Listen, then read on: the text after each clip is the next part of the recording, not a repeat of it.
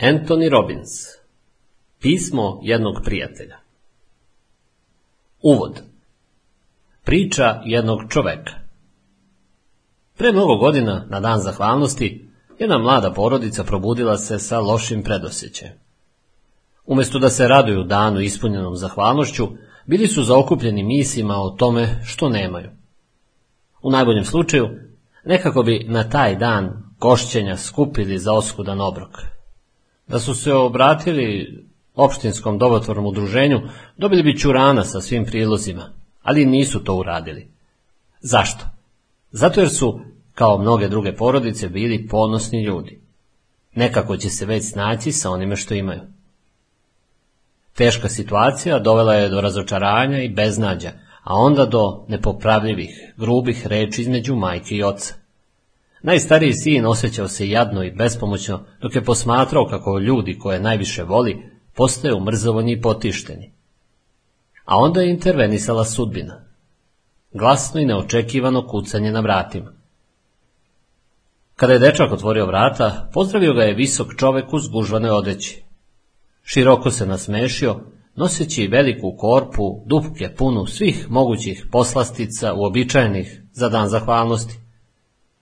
Ćurkom, nadevima, pitama, slatkim krompirom, kompotima, svime za prazničnu trpezu. Porodica ostala zapanjena. Čovek na vratima je rekao, ovo je od nekoga ko zna da ste u nevolji i želi da znate da ste voljeni i da je nekome stalo. Otac porodice ispravo nije hteo da uzme korpo, ali čovek je rekao, znate, ja sam samo dostavljač.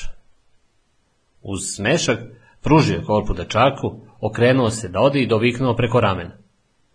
Lepo se provedite za dan zahvalnosti. U tom trenutku život dečaka zaovek se promenio. Jednostavnim činom dobrote naučio je da je nada večna, da je ljudima, čak i strancima, stvarno stalo. Osjećaj zahvalnosti duboko ga je dirnuo i tako se zakleo da će jednoga dana imati dovoljno da na isti način može da uzvrati drugima. A kada je napunio 18 godina, počeo je da ispunjava zadato obećanje. Svojom oskudnom zaradom kupio je nešto mešovite robe za dve porodice za koje je saznao da su oskudevale hranom. Robu im je dostavio obučenu, stari par traperica i majicu s kratkim rukavima, nastojeći da podari poklon kao da je dostavljač. Kada je stigao do prve ronule kuće, dočekala ga je neka latinoamerikanka gledajući ga sumnjičavo. Imala je šestoro dece, a muž je napustio porodicu samo nekoliko dana ranije. Nisu imali hrane. Mladić je rekao, imam dostavu za vas, gospođo. Potom je otišao do automobila i počeo nositi vrećice i kutije pune hrane, ćurana, nadeve, pite, krompir i konzerve. Žena je zinula u čudu, a kada su deca ugledala kako se u kuću donosi hrana, počela su vrištati od oduševljenja. Mlada majka koja je loše govorila engleski, zgrabila je mladića za ruku i počela ga ljubeti govoreći Vi Boži dar, vi Boži dar. Ne, ne, rekao je mladić, ja sam samo dostavljač. Ovo je poklon od prijatelja. A onda je uručio pismo u kojem je pisalo. Ovo je pismo jednog prijatelja. Neka vam je srećan i prekrasan dan zahvalnosti. Vi i vaša porodica ste ga zaslužili. Znajte da ste voljeni. A jednog dana, ako budete u prilici, molim vas da se potrudite da imate dovoljno kako biste i vi učinili isto za nekog drugog i predali ovaj dar dalje. Mladić je nastavio da unosi vrećicu za vrećicom. Uzbuđenje, radost i ljubav dosegli su vrhunac. Kada je odlazio, osjećaj povezanosti i pomoći koju je pružio ganuo ga je do suza. U automobilu se osvrnuo i još jednom pogledao nasmejana lica članova porodice kojima je imao čas da pomogne, uviđajući da je njegova priča napravila pun krug, da je onaj užasan dan iz njegovog detinjstva zapravo bio Božiji dar koji ga je vodio i usmeravao prema ispunjenju kroz život posvećen davanju. Tim jednim činom započeo je potragu koja se nastavlja sve do danas. Da vrati dar koji su primili on i njegova porodica i da podsjeti ljude da uvek postoji način da se sve preokrene, da su voljeni i da se teška životna situacija jednostavnim koracima, s malo razumevanja i ogromnim trudom, može pretvoriti u vrednu lekciju i priliku za lični razvoj i dugoročnu sreću. Kako to da toliko znam o tom mladiću i njegovoj porodici i ne samo o tome šta su radili, nego i kako su se osjećali. Zbog toga što sam taj mladić bio ja. Ovu knjigu napisao sam jer želim da znate da je nekome stalo do vas. Želim da znate da je, bez obzira koliko vam se zastrašujuće i porazne čine okolnosti, preokret je uvek moguć. Snove koje ste nekada imali možete da pretvorite u stvarnost. Kako? Korišćenjem snage koja se nalazi u vama upravo ovog trenutka, dok slušate ovu knjigu, koju vam ja čitam. Vaša unutrašnja snaga može promeniti sve u vašem životu i to doslovno u trenu. Sve što treba da učinite jeste da je pokrenete. Kako vam to mogu reći s takvom dozom sigurnosti? Jednostavno zato jer sam istu snagu iskoristio za ogromnu promenu sobstvenog života. Pre nešto više od decenije imao sam velikih problema i osjećao se potpuno razočaran, s malo ili potpuno bez nade. Živeo sam u skučene garsonjeri od 37 kvadrata u gradu zvanom Venice, Kalifornija. Bio sam usamljen, jadan i imao 17 kg previše. Nisam imao planove za budućnost. Osjećao sam da u životu nisam srećne ruke i da ništa ne mogu da učinim da to promenim. Propao sam i finansijski i emocionalno. Osjećao sam se uništeno, bespomoćno i poraženo. Ovde sam ipak da vam kažem da sam sve to promenio za manje od godinu dana. Izgubio sam skoro 14 kg za manje od 30 dana i nastavio sam da mršavim jer ja nisam tek bio na dijeti, nego sam promenio i način razmišljanja. Vežbao sam telo dok nisam postigao vrhunsku formu. Razvio sam samopouzdanje koje mi je bilo neophodno da bih uspeo proći kroz teška razdoblja i postići ciljeve o kojima sam sanjao. Moj cilj je bio da se usredsredim na potrebe drugih ljudi. Stalno sam se pitao, kako mogu da doprinesem vrednosti života drugih? Tokom tog teškog perioda postao sam vođa. Rano sam spoznao da ne mogu pomoći drugima da se promene ako ne promenim sebe. Tajna nije bila samo u tome da svakodnevno u životu nekome nešto dajem, već sam morao postati boljom osobom da bih mogao davati. U procesu u kome sam postao nešto više, privukao sam ženu svojih snova, oženio se njome i postao otac. Za manje od godinu dana, životarenje od danas do sutra pretvorilo se u uspeh vredan više od milion dolara. Iz rušenog stana preselio sam se u svoj sadašnji dom, dvorac od hiljadu kvadrata sa pogledom na Pacifik. Ali tu nisam stao. Čim sam dokazao da sebi mogu da pomognem, odmah sam potražio najiskrenije načine pomaganja drugima. Počeo sam da tražim uzore, one koji su mogli da promene nešto brzinom munje. Ti najbolji ljudi bili su neki od vrhunskih učitelja i psihoterapeuta na svetu. Oni kojima nije trebala godina, dve ili više da bi ljudima pomogli da reše njihove probleme, već im je to uspevalo nakon jednog ili dva sastanka. Poput sunđera upijao sam znanje koliko god sam mogao i odmah sam počeo da primenjujem ono što su me naučili. Počeo sam da razvijam sobstvene strategije i spoznaje. Te su mi tehnike pomogle u radu sa preko milion ljudi iz 42 zemlje sveta. Nudio sam im alate i poučavao ih kako da uspeju da preokrenu svoj život. Ta nevjerojatna povlastica i prilika da radim s ljudima poprimile ogromne razmene. Radio sam s različitim ljudima, od fizičkih radnika do kraljevskih porodica, plave krvi, širom zemaljske kugle. Od predsjednika država do predsjednika kompanije i udruženja. Od filmskih zvezda do profesionalnih sportista i sportskih ekipa. Od majki i doktora do dece i beskućnika. A putem svojih knjiga, audio, video traka, seminara i TV emisija, obratio sam se doslovno desetinama miliona ljudi. U svakom slučaju, cilj mi je bio da im pomognem da preuzmu kontrolu nad svojim životom i da povećaju njegov kvalitet. Ovo sve vam ne govorim zato da bih ostavio utisak, nego da vam dokažem kako brzo je moguće ostvariti promene. Kada jednom shvatimo šta utiče na formiranje naših misli, osjećanja i ponašanja, sve što je potrebno jeste uporan, inteligentan i ogroman rad. Ovom knjigom Dobrovoljno sam vaš trener u ostvarivanju bilo koje promene koju želite. Pozitivno razmišljanje nije dovoljno. Svi imamo snove, zar ne? Svi želimo da verujemo da smo posebni, da u životu možemo nešto promeniti, da na nekakav poseban način možemo dopreti do svoje porodice, prijatelja i drugih ljudi. U određeno doba u životu svi smo imali neku ideju o tome šta zaista želimo i šta stvarno zaslužujemo. Ipak, mnogi ljudi zaborave svoje snove kada se nađu pred životnim izazovima.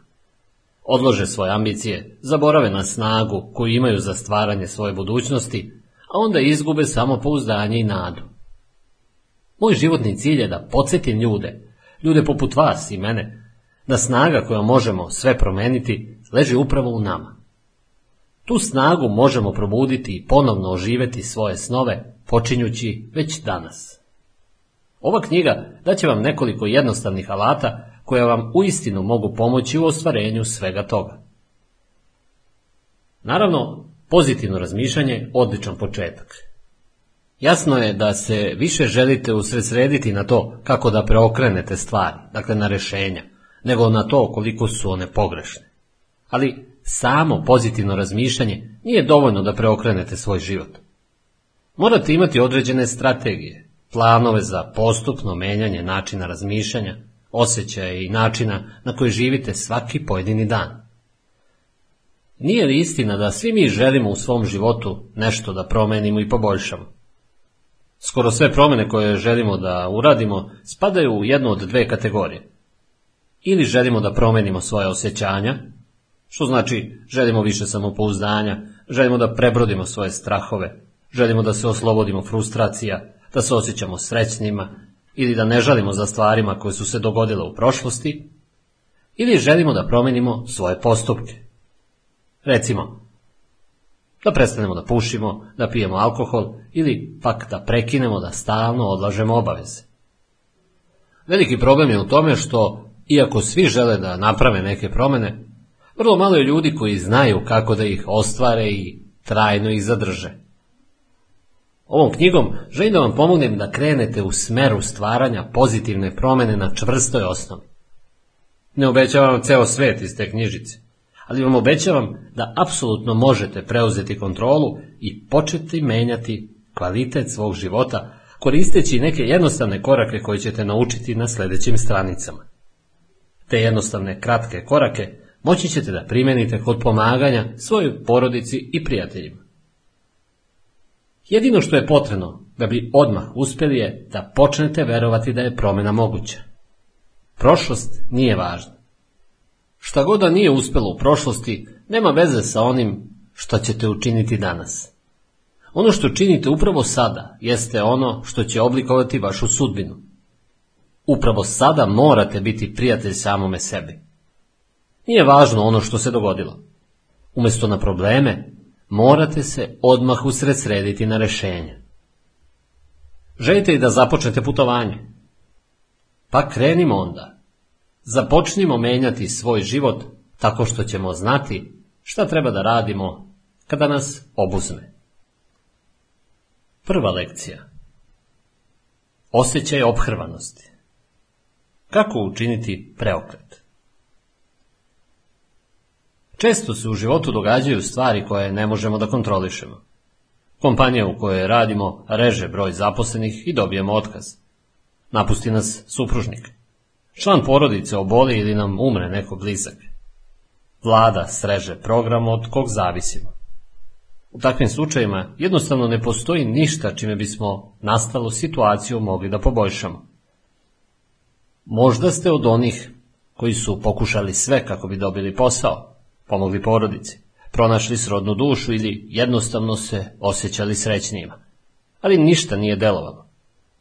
Kada pokušavamo da primenimo novi pristup i dajemo sve od sebe, pa ipak ne postignemo svoj cilj, često se bojimo da ponovo pokušamo. Zašto? Zato jer svi želimo da izbegnemo bol. I niko ne želi da doživi ponovni neuspeh. Niko ne želi da da sve od sebe samo zato da bi se još jednom razočarao. Nakon svih doživljenih razočaranja, često prestanemo da pokušavamo. Dolazimo do tačke kada verujemo da ništa neće uspeti. Ako se nalazite u situaciji da više niste voljni ni da pokušate, dovodite se u položaj zvan naučena bespomoćnost. Doslovno, naučili ste da budete bespomoćni. Dobra vest je da niste u pravu. Možete biti uspješni. Danas možete da promenite bilo šta u svom životu ako promenite svoje postupke i način gledanja na stvari. Prvi korak do životnog preokreta je da se oslobodite negativnog verovanja da ne možete učiniti ništa ili da ste bespomoćni. Kako to možete da uradite? Razlog zbog kojeg ljudi kažu da nešto ne mogu da učine, često je taj što su u prošlosti isprobavali stvari koje nisu dale rezultate. Ali upamtite, ceo svoj život uvek iznova koristim ovu frazu. Vaša prošlost nije jednaka vašoj budućnosti. Važno je ono što radite upravo sada, a ne ono što je bilo juče. Mnoštvo ljudi pokušava da vozi prema napred koristeći retrovizor. Ako tako radite, sudarit ćete se. Radije se usredsredite na ono što možete da uradite danas, kako biste postigli poboljšanje. Upornost se isplati. Mnogi ljudi mi kažu, isprobao sam milion načina da uspem, ali ništa ne dele. Ili isprobao sam hiljadu načina. Razmislite o tome. Verovatno nisu isprobali ni stotinak načina da nešto promene, pa čak ni dvadesetak. Ljudi većinom isprobaju osam, devet, deset načina da nešto promene i kada im to ne uspe, odustanu. Ključ uspeha je u tome da ocenite šta vam je najvažnije i da potom svakog dana preduzmete veliku akciju da to poboljšate, čak i ako vam se ne čini da deluje. Daću vam jedan primjer. Jeste vi kada čuli za čoveka po imenu pukovnik Sanders? Kako je pukovnik Sanders postigao nevjerovatan uspeh? Je li zato što je rođen imućan? Ili u bogatoj porodici? Možda je studirao na vrhunskom fakultetu kao što je Harvard. Možda je bio uspešan zato jer je pokrenuo sobstveni posao dok je bio još vrlo mlad. Je li išta od toga istina? Odgovor je ne. Pukovnik Sanders nije počeo da ostvaruje svoj san sve do svoje 65. godine. Šta ga je nateralo da konačno krene u akciju? Ostao je bez prebijenog novčića i sam. Kada je od socijalnog osiguranja dobio prvi ček sa iznosom od 105 dolara, pobesnao je.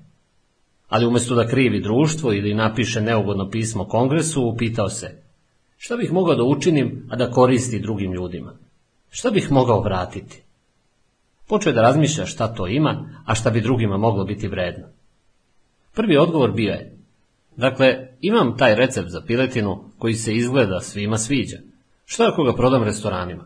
Mogu li tako zaraditi novac? Potom je odmah pomislio, pa to je glupo, prodajom recepta neću moći da platim ni stanarinu. A onda je dobio novu ideju. Šta ako im ne prodam samo recept, nego im pokažem kako da pravilno pripreme piletinu? Šta ako piletina bude tako dobra da im se poveća posao? Ukoliko restorane poseti više ljudi i oni prodaju više piletine, možda ću dobiti procenat od povećanog prometa. Mnogo ljudi ima sjajne ideje, međutim, pukovnik Sanders bio je drugačiji. Bio je čovjek koji nije samo razmišljao kakve se sjajne stvari mogu učiniti, on ih je i činio. Izašao je i počeo kucati na vrata restorana, pričajući svakom vlasniku svoju priču. Imam odličan recept za piletinu i mislim da bi vam mogao pomoći da povećate prodaju. Za sebe bih uzeo tek procenat od tog povećanja. Ali mnogo ljudi mu se samo nasmijalo u lice. Rekli su, ma daj, stari, odlazi odavde. I zašto uopšte nosiš to glupo belo odelo? Da li je pukovnik Sanders odustao? Apsolutno ne. Imao je ključ uspeha broj 1. Ja ga nazivam lična snaga. Lična snaga znači biti uporan. Svaki put kad nešto radite, onda iz toga nešto naučite i pronađete način da sljedeći put budete još bolji. Pukovnik Sanders je svakako iskoristio svoju ličnu snagu. Nije ga obeshrabrilo to što su u svakom restoranu odbili njegovu zamisao, nego se odmah usredsredio na to kako da u sljedećem bolje ispriča svoju priču i tako postigne bolji rezultat. Što mislite? Koliko je puta pukovnik Sanders čuo ne pre nego što je dobio željeni odgovor? Odbili su ga hiljadu devet puta pre nego što je čuo prvo da. Dve godine provao je putujući širom Amerike u svom starom dotralom automobilu, spavajući na zadnjem sedištu u svom zgužvanom belom modelu, ustajući svaki dan, nestrpljiv da nekom novom kaže svoju zamisao. Često mu je jedina hrana bila brzi zalogaj onoga što je pripremio za degustaciju vlasnicima restorana. Šta mislite? Koliko bi ljudi to radilo samo zato da bi hiljadu i devet puta čulo ne? Dve ne godine. I nastavilo da radi isto. Jako malo. Zbog toga je samo jedan pukovnik Sanders. Mislim da većina ne bi nastavila ni nakon dvadesetog ne, a još manje njih nakon stotinu ili hiljadu negativnih odgovora. Ipak, upravo to je ono što je ponekad potrebno za uspeh. Pogledajte li bilo kog od najuspešnijih ljudi u istoriji, otkrićete zajedničku crtu. Nisu hteli da budu odbijeni. Nisu prihvatali ne. Nisu dopuštili da ih išta zaustavi u ostvarivanju njihove vizije, njihovog cilja, stvarnosti. Znate li da je Walt Disney bio odbijen 302 puta pre nego što je dobio finansijska sredstva za svoj san, da stvori najsrećnije mesto na zemlji? Sve banke su mislile da je lud. Nije bio lud. Bio je vizionar i, što je još važnije, predan ostvarenju svog sna. Danas milioni ljudi učestvuju u Diznijevoj radosti u svetu koji nije kao ni jedan drugi, u svetu pokrenutom odlukom jednog čoveka. Dok sam živeo u malom, bednom stanu, pravo posuđe u kadi, morao sam da se prisetim takvih priča. Morao sam se stalno prisjećati da ni jedan problem nije stalan. Ni jedan problem ne utiče na čitav moj život. Teškoće će proći ako nastavim sa velikim, pozitivnim i konstruktivnim radom. Mislio sam. Iako je moj život trenutno težak i jadan, ima mnogo stvari za koje mogu biti zahvalan, kao što je ovo dvoje prijatelja koje imam, ili pak činjenica da imam sva svoja čula, ili da mogu da udišem svež vazduh. Stalno sam se podsjećao na potrebu da se usredsredim na ono što hoću, da se usredsredim na rešenja umjesto na probleme. I upamtio sam da nikakvi problemi ne utiču na čitav moj život, iako to trenutno možda izgleda baš tako. Tako sam odlučio da više neću verovati da mi je ceo život upropašćen samo zato što imam novčanih ili emocionalnih problema. Ocenio sam da je sa mnom sve u redu, ali sam jednostavno zaostajao u vremenu. Drugim rečima, znao sam da ako nastavim da uzgajam seme koje sam posejao, ako nastavim da radim ono što je ispravno, izaći ću iz zime svog života i ući u proleće, u kojem ću žeti nagrade za dugogodišnji, na izgled uzaludan trud. Također sam ocenio da je ludost uvijek iznova raditi tačno iste stvari, a očekivati drugačiji rezultat. Morao sam da pokušam nešto novo i nastavim tako sve dok ne pronađem potrebne odgovore. Poruka koju imam za vas je jednostavna i u srcu znate da je istinita. Ogroman, uporan rad sa čistom ustrajnošću i smislom za fleksibilnost na putu do ostvarivanja ciljeva, na kraju će vam dati ono što želite. Ali morate da odbacite i najmanje osjećaj da nema rešenja. Morate da se usredsredite na radnje koje možete da obavite još danas, ma kako male bile. Ima smisla, zar ne? Pa zašto onda više ljudi ne sledi poznati savet kompanije Nike Just do it? Odgovor je da su sputani strahom od neuspeha. O neuspehu sam, međutim, otkrio nešto čudesno. Druga lekcija. Neuspeh ne postoji. Upravo sada je vreme da donesete odluku. Upravo sada morate sebi da obećate da se više nikada nećete prepustiti osjećajima poraženosti ili depresije. To ne znači da morate biti nerealni u odnosu na izazove koji su pred vama. To jednostavno znači da sada razumete da vas osjećanja poraženosti i depresije sprečavaju u preduzimanju koraka koje vam mogu promeniti život. Morate verovati da, iako se nešto sada čini nemogućim, vi to možete preokrenuti. Znate, svi imamo probleme, razočaranje i frustracije, ali ono što će najviše da odredi naš život je način na koji sa njima izlazimo na kraj. Želeo bih da vam ispričam prekrasan primjer tog načela na delu. Pre mnogo godina, jedan mladić je htio da postane slavan muzičar, pa je prekinuo školovanje i dao se na put. Pronaći posao bilo je prilično teško za neko ko je prekinuo srednju školu i bio bez iskustva. Tako se našao u nekoj od najgorih krčmi u mestu, svirajući pijanino i pevajući, dajući srce i dušu ljudima koji su bili tako pijani da ga nisu ni primećivali. Možete i da zamislite kako razočaranje i poniženje osjećao. Bio je deprimiran i emocionalno uništen. Nije imao novca, pa je spavao u perionicama veša. Jedino što ga je teralo da nastavi, bila je ljubav njegove devojke, za njega najlepše žene na svetu. Ali jednoga dana i ona ga je napustila, a on je osjetio da je njegov život završen. Za malo je počinio samoubistvo. Ali potražio je pomoć i otišao na lečenju u jednu duševnu bolnicu. U toj bolnici njegov život se promenio. Ne zato jer je bio izlečen, nego zato jer se prestravio kada je video koliko loše može biti. Shvatio je da on nema stvarne probleme. I tog dana obećao je sebi da više nikada, stvarno nikada sebi neće dopustiti da padne tako nisko.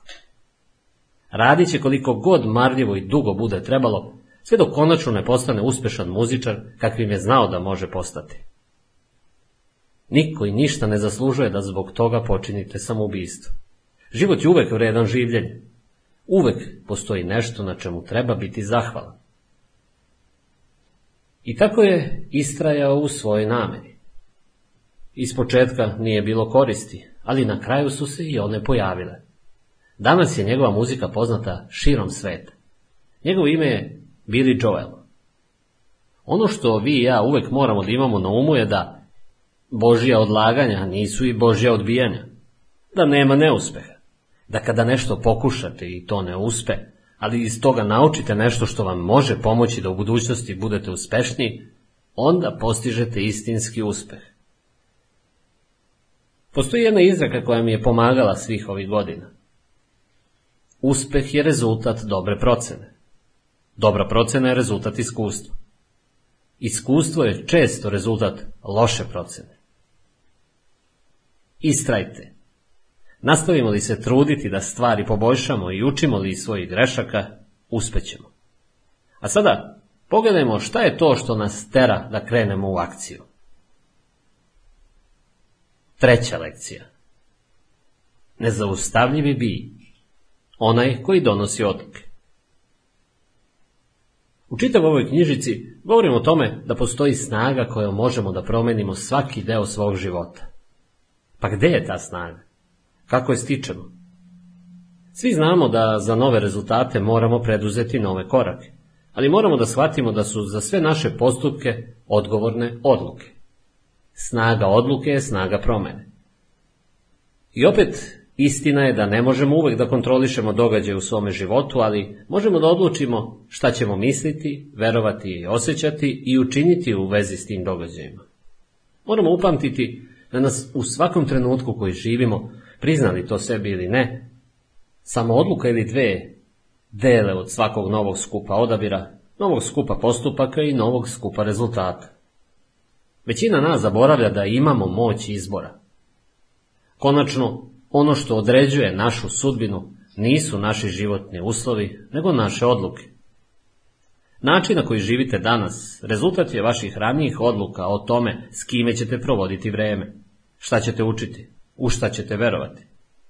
Rezultat je to vaše odluke, da li ćete odustati ili istrajati. Vaše odluke da li ćete se venčati i imati decu, šta ćete jesti, da li želite da pušite ili pijete.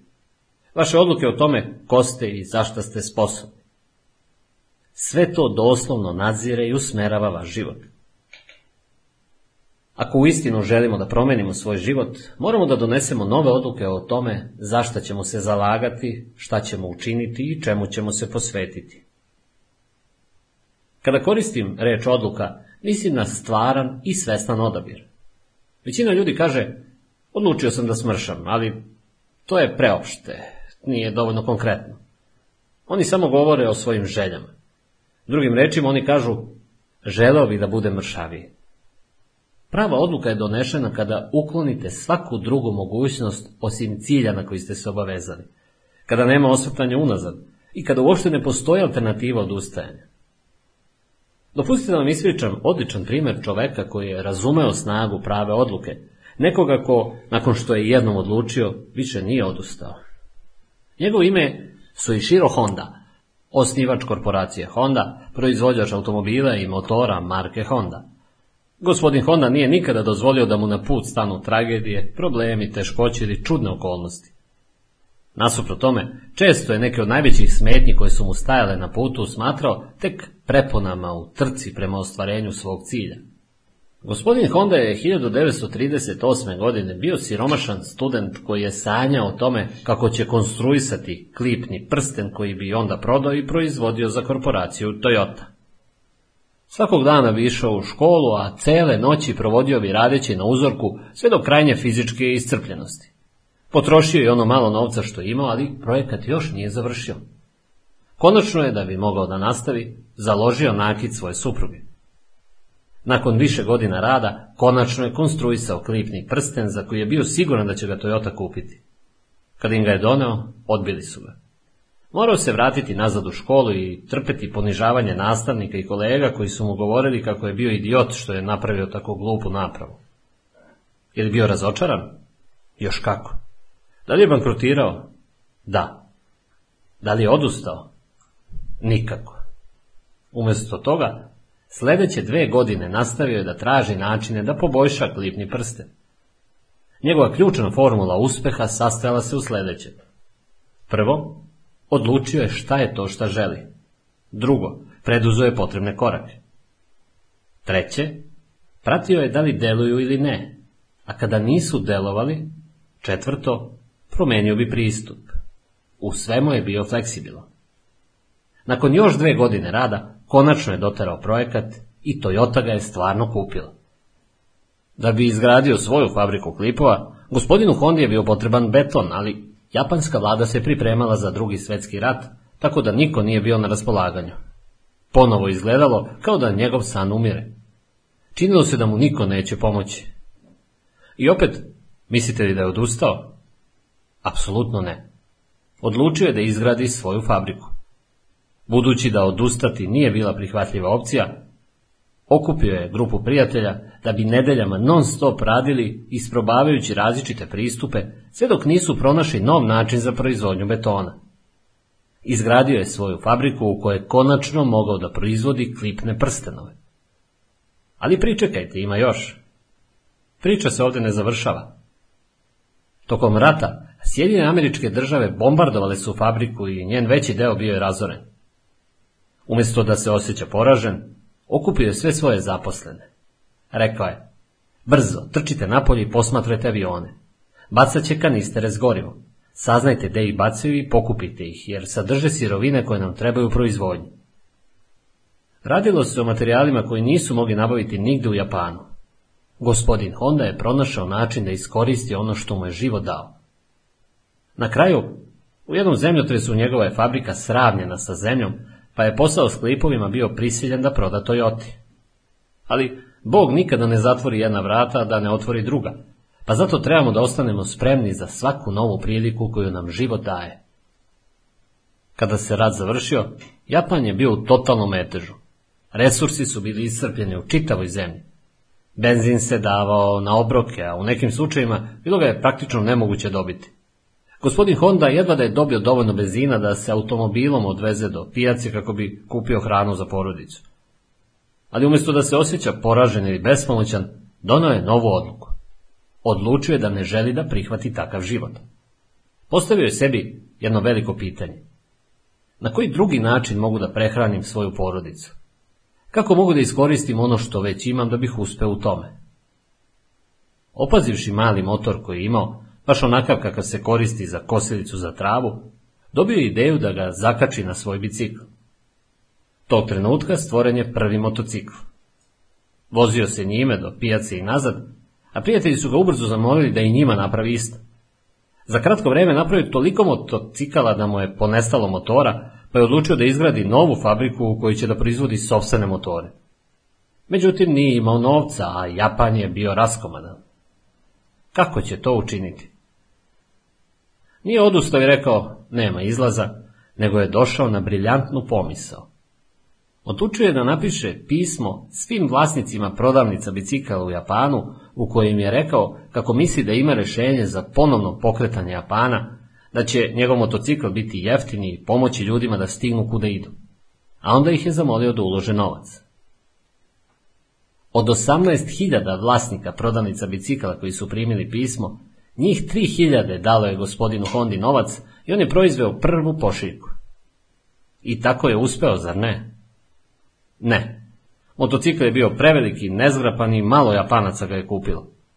I tako je ponovo pratio šta ne valja i umjesto da odustane, opet je promenio svoj pristup. Odlučio je da rastavi motocikl i napravi lakši i manji.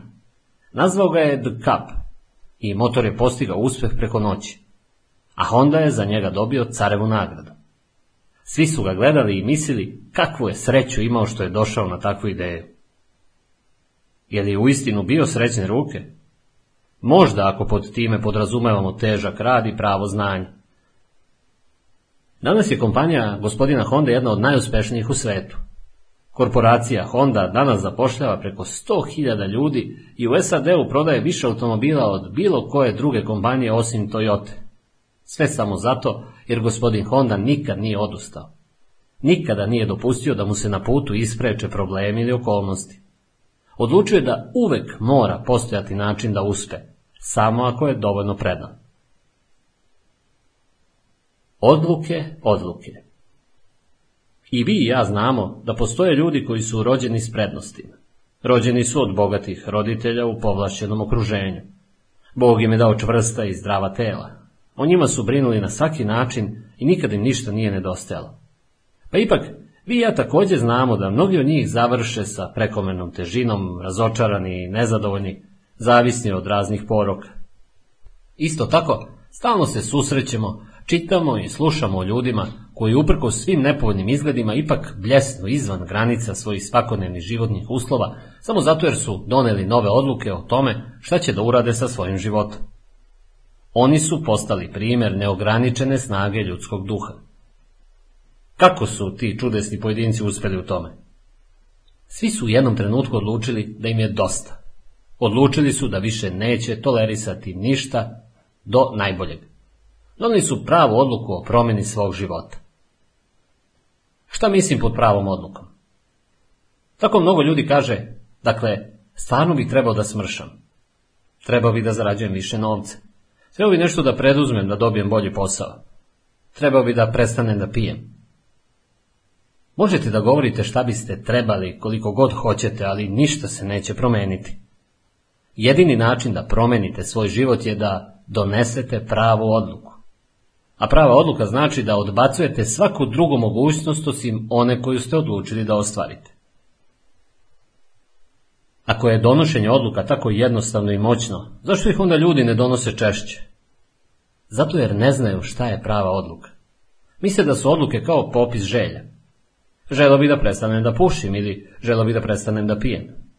Većina nas nije donala nikakvu odluku toliko dugo da smo već zaboravili kako je to. Kada donesete pravu odluku, povlačite crtu i to ne u pesku, nego u cementu. Znate tačno šta želite. Takva vrsta jasnoće daje vam snagu da radite čak i bolje kako biste ostvarili rezultate po koje ste krenuli. Ljudi koji prevladaju nepovoljne okolnosti i preokrenu svoj život, svakog dana donose tri moćne vrste odluka o tome. Na šta se treba usredsrediti, šta neki problem ili situacija znači za nas i šta treba učiniti. Sljedeći od mojih omiljenih primjera je priča o Edu Robertsu. On je običan čovek, zarobljen u invalidskim kolicima, a postoje neobičan kada je done odluku da će delovati izvan svojih očiglednih ograničenja. Paralisan od vrata naniže od svoje 14. godine, svakog dana koristi uređaj za disanje kojim se, uprkos velikim problemima, naučio savršeno služiti kako bi mogao da vodi što normalniji život, dok svaku noć koristi aparat za disanje. Nekoliko puta je skoro umro i zasigurno je mogao odlučiti da se usredsredi na svoju bol i patnju, ali umjesto toga odabrao je da učini nešto za druge. Dakle, u čemu je to uspeo? Posljednjih 15 godina njegova odluka da se bori protiv sveta, koji se često prema invalidima odnosio pokroviteljski, dovela je do mnogih poboljšanja i kvaliteta života invalida. Ed Roberts je edukovao javnost i inicirao sve, od kosih prilaza za invalidska kolica i specijalnih mesta za parkiranje do rukohvata. Postoje prvi kvadriplegičar koji je diplomirao na Univerzitetu Berkeley u Kaliforniji i na kraju stekao položaj direktora Kancelarije za rehabilitaciju Savezne države Kalifornija, postavši tako prva hendikepirana osoba na takvom položaju. Ovaj se čovjek odlučio posvetiti nečemu što većina ljudi njegovog položaja nikada ne bi izabrala. On se usredsredio na to kako da promeni postojeću situaciju. Njegovi fizički problemi za njega su značili izazov. Odlučio da uradi sve što može da drugima koji su bili u istom položaju život učini kvalitetnijim i ugodnijim. Apsolutno se obavezao na stvaranje takvog okruženja koje bi poboljšalo kvalitet života ljudi sa fizičkim problemima. Ed Roberts je snažan dokaz da nije važno gde počinjete, nego su važne odluke koje donosite o tome gde ste namerili da završite. Svi njegovi postupci proizlazili su iz jednog snažnog, predanog trenutka odluke. Šta biste mogli učiniti sa svojim životom kada biste doneli čvrstu odluku? Prema tome, odlučite sad. Celokupni ljudski napredak započinje s novom odlukom. Dakle, šta je to što odgađate, a što znate da treba da učinite da biste poboljšali svoj život? Možda je to odluka da pušenje i pijenje zamenite trčanjem ili čitanjem? Ili pak da svaki dan započnete ranije i sa boljim stavom? Možda je to odluka da više ne krivite druge, nego da umjesto toga mislite šta ćete preduzeti svaki dan kako biste poboljšali svoj život.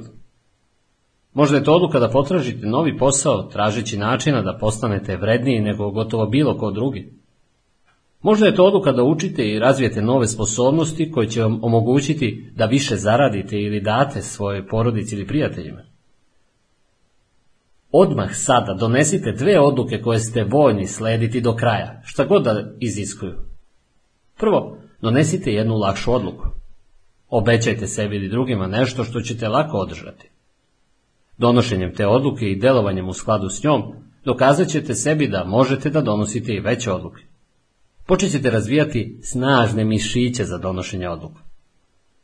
A sada, donesite drugu odluku za koju znate da će od vas tražiti veću predanost.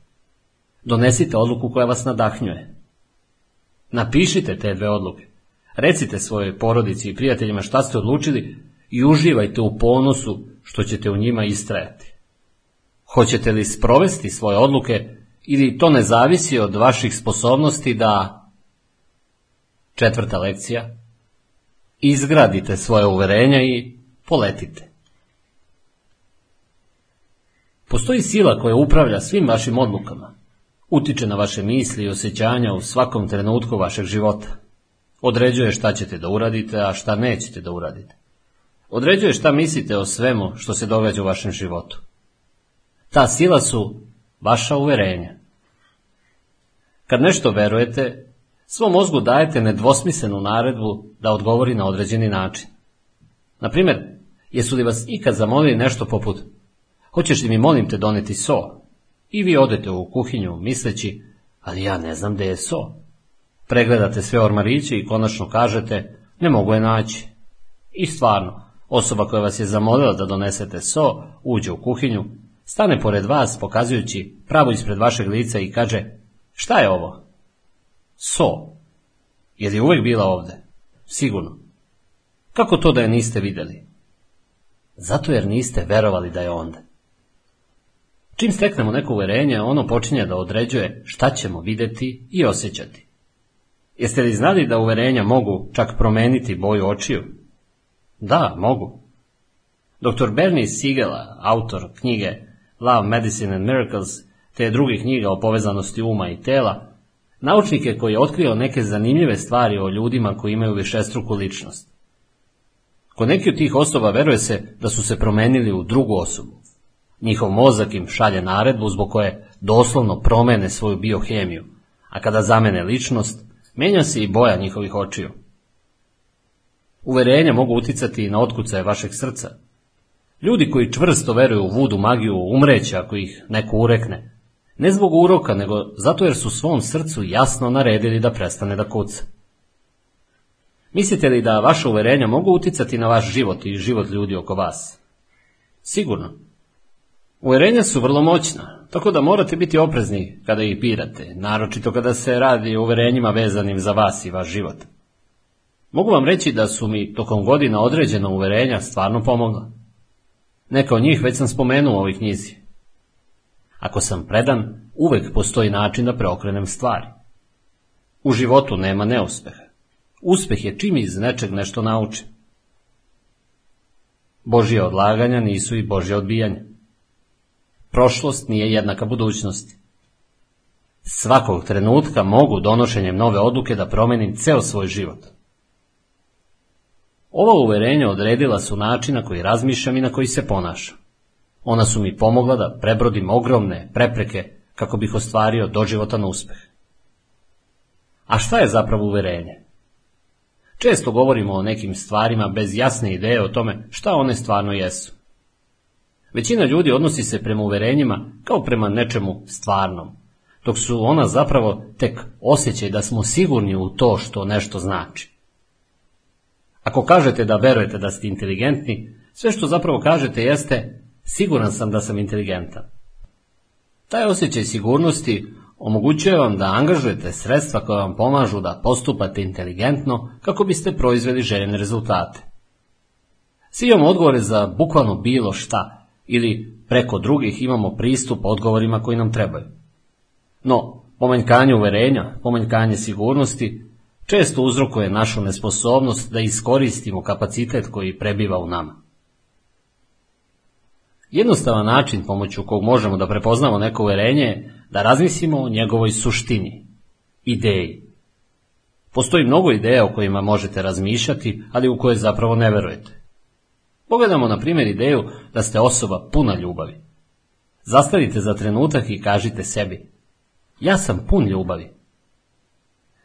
Da li je fraza ja sam pun ljubavi, ideja ili uverenje, zavisi od sigurnosti koju osjećate kada izgovarate. Ako mislite, pa ja baš i nisam pun ljubavi, u stvari govorite, nisam siguran da sam pun ljubavi. Kako da ideju pretvorimo u uverenje? Dopustite mi da vam ponudim jednostavnu metaforu koja opisuje taj proces. Ako ideju zamislite kao sto sa jednom ili dve noge, dobit ćete prilično dobru sliku o tome zašto ta ideja nije čvrsta kao uverenje. S druge strane, uverenje je sto dovoljno čvrstih nogu. Ako stvarno verujete, ja sam pun ljubavi, kako znate da je tako? Nije li istina da imate nešto čime tu ideju možete podržati? Drugim rečima, nemate li neka iskustva kojima to potkrepljujete? To su noge koje vaš sto čine čvrstim, koje vaše uverenje čine sigurnim. Koja su to iskustva zbog kojih se osjećate sigurnim da ste osoba puna ljubavi? Možda vam je neko rekao da ste puni ljubavi, ili možda svakog dana radite stvari koje drugima pomažu da se osjećaju prijatnije, srećnije ili optimističnije. Možda vam je lepo s drugima i to da osjećate da ih volite jednostavno znači da ste puni ljubavi za njih. Ali, znate šta? Sva ta iskustva ne znače ništa tako dugo dok ih ne iskoristite kao podršku ideji da ste osoba puna ljubavi. Tada će vaša ideja imati toliku snagu da ćete početi da verujete u nju. Vaša ideja se osjeća čvrstom i sada prerasta u uverenje. Kada jednom shvatite da su uverenja kao čvrsti stolovi, možete početi da shvatate kako nastaju i kako se mogu promeniti. Ali najvažnije je da upamtite da možemo steći uverenja o bilo čemu samo ako pronađemo dovoljno oslonca da ih podržimo. Nije li tačno da imate dovoljno iskustva ili da poznajete dovoljno ljudi koji su prošli kroz teška razdoblja, tako da biste, ako stvarno to želite, lako mogli steći uverenje da su ljudi pokvareni i da vas žele iskoristiti, pružili im se samo mala prilika. Možda to ne želite verovati i siguran sam da vas ta vrsta uverenja neće nikuda odvesti, ali zar nemate iskustvo koje može da podrži takvu ideju i, ako želite, pružiti vam uverenje da je tako? Ne možete li, s druge strane, na osnovu svojih iskustava potvrditi da su ljudi u suštini dobri i da će, ako pokazujete da vam je do njih stalo, pomažete im i ponašate se prema njima dobro i oni pomoći vama. Najvažnije pitanje je šta je od toga istina? Ono uverenje koje odaberete, to je vaša istina. Rešenje je dakle u tome da odlučite koja će vam uverenja dati moć, a koja neće. Uverenja su ogroman izvor moći. Vi možete odabrati šta ćete verovati o sebi, a ta uverenja će odrediti vaše postupke. Važno je da odaberete uverenja koja vas podržavaju i daju vam nadu i snagu. Koja su vam tri uverenja potrebna ovog trenutka? Treba li vam da verujete da imate samopouzdanje da obavite razgovor za novi posao? Hrabrost da prekinete lošu vezu? Ljubav da uđete u dobru vezu? Navedite najmanje jedno uverenje koje morate odmah da usvojite. Ljudi mi ponekad kažu, ma da, Toni, jednom sam u nešto verovao, ali nije uspelo. Kako mogu biti tako sigurni da nije uspelo? Možda im je trebalo više vremena za to. Možda će naučiti nešto iz ove hiljadu godina stare indijske priče. Govori o seljaku koji je imao samo jedno konja za vuču pluga i taj konj mu je pobegao. Komšija mu kaže, to je strašno. Seljak reče, možda. Sljedećeg dana seljak se vratio s dva konja. Komšija mu kaže, to je prekrasno. Možda, uzvrati seljak. Seljakov sin je krenuo da ukroti konja, ali je završio sa slomljenom nogom. Pa to je strašno, kaže komšija. Možda, reče seljak. Sljedećeg dana pojavi se vojska, pa sve muškarce povede u rat, ali povređenog sina nisu mogli da povedu. I sada komšija kaže, imaš veliku sreću. Šta mislite? Šta je odgovorio seljak? Tačno. Možda. I tako priča ide dalje, kao i život. Ako verujete u nešto, a to još ne postiže uspeh, možda prerano donosite sud. Kada mislite da ste u nevolji, možda i niste. Možda je to samo privremeno. Samo upamtite da će vaša sposobnost da donosite takve procene na mudar način uveliko zavisiti od mogućnosti koje vidite, zato jer peta lekcija ono što vidite, to dobijate. Tako mnogo ljudi želi da promeni svoje osjećanja, ali niko ne zna kako. Najbrži način da promenite svoje osjećanja prema nečemu ili nekome jeste da promenite ono na što se usresređujete. Da se upravo sada želite osjećati nesrećno, bilo bi to zaista lako, zar ne? Sve što biste trebali da uradite jeste da se setite nečeg bolnog što vam se desilo u životu i da na to usredsredite svu svoju pažnju. Da mislite o tome dovoljno dugo, opet biste se osjećali nesrećno. Kako glupo. Da biste gledali nesrećan film uvek i uvek iznova? Naravno da ne. Prema tome, zašto vrteti nesrećan film u svojoj glavi? Taj eksperiment samo pokazuje kako je svakome lako da uskoči u nesrećna osjećanja i kako je bitno kontrolisati svoj fokus. Čak i kada je situacija teška, morate se usredsrediti na ono što možete da učinite, a ne na ono što možete da kontrolišete. Da se upravo sada želite osjećati dobro, mogli biste to učiniti prilično lako, zar ne? Mogli biste se usredsrediti na nešto što vas je usrećilo, nešto zbog čega ste bili zadovoljni sami sa sobom, sa svojom porodicom ili sa svojim prijateljima. Mogli biste se usredsrediti na nešto zbog čega ste danas zahvalni. Ili biste se mogli usredsrediti na budućnost o kojoj sanjate tako jako da se zbog toga u napredu zbuđujete i veselite. To će vam dati snagu da zamisli počnete i da ostvarujete. Pokazat ću vam jednostavan primjer. Recimo da idete na neku zabavu i imate videokameru. Cijelu noć fokusirate kameru u levi ugao sobe u kojem se prepire neki par. Kako se usredsređujete na prepirku i vas bi mogla obuzeti ljutnja i potištenost. Budući da se koncentrišete na njihov gnev, verovatno mislite, kakav bedan par, kakva bedna zabava. A što da ste iste večeri na istoj zabavi svoju pažnju preusmerili na desni ugao sobe? U desnom uglu je gomila ljudi koja se smeje i šali i umjesto da se svađaju, ljudi pucaju od veselja. I da vas onda neko zapita kako je bilo na zabavi, rekli biste, o, bilo je prekrasno. Poenta je jednostavna. Postoji bezbroj stvari koje možemo opaziti, ali previše se usresređujemo na ono loše, na stvari koje ne možemo da kontrolišemo. Usmerite svoj fokus u pravom smeru. Vidite li zašto je fokus tako važan? On upravlja načinom na koji vidite svet, kao i onim šta ćete u vezi s tim da učinite. Mislite li da bi mogao da upravlja i vašim osjećanjima? Sigurno. Fokus vam bukvalno može spasiti život. Ono u čemu najviše uživam su trkački automobili. Nikada neću zaboraviti najvažniju lekciju koju sam naučio u školi za vozače trkačkih automobila. Učitelj je rekao, najvažnija stvar koju treba da upamtite je kako da se izvučete kada točkovi počnu da klizaju. To je dobra metafora za život, zar ne? Ponekad počnemo da klizamo i gubimo kontrolu. Rešenje za to je vrlo jednostavno, podučavo je. Ono što većina ljudi čini kada točkovi počnu da proklizavaju je da počnu da misle na nešto čega se boje, na zid. Umjesto na zid, morate da se usredsredite na to gde želite da idete.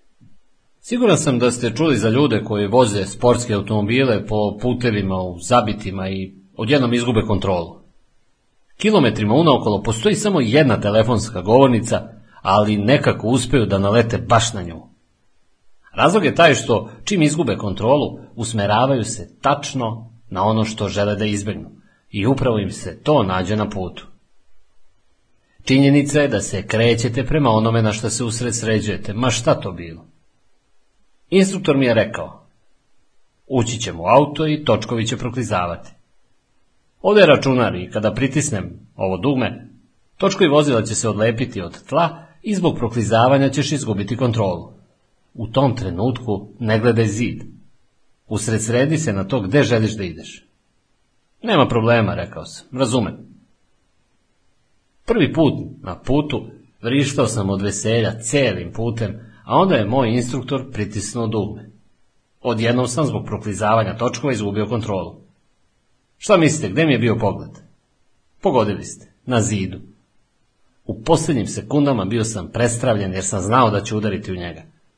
Ali u tom trenutku instruktor me uhvatio za glavu i okrenuo je ulevo, prisilivši me da gledam u smeru u kom sam trebao da idem.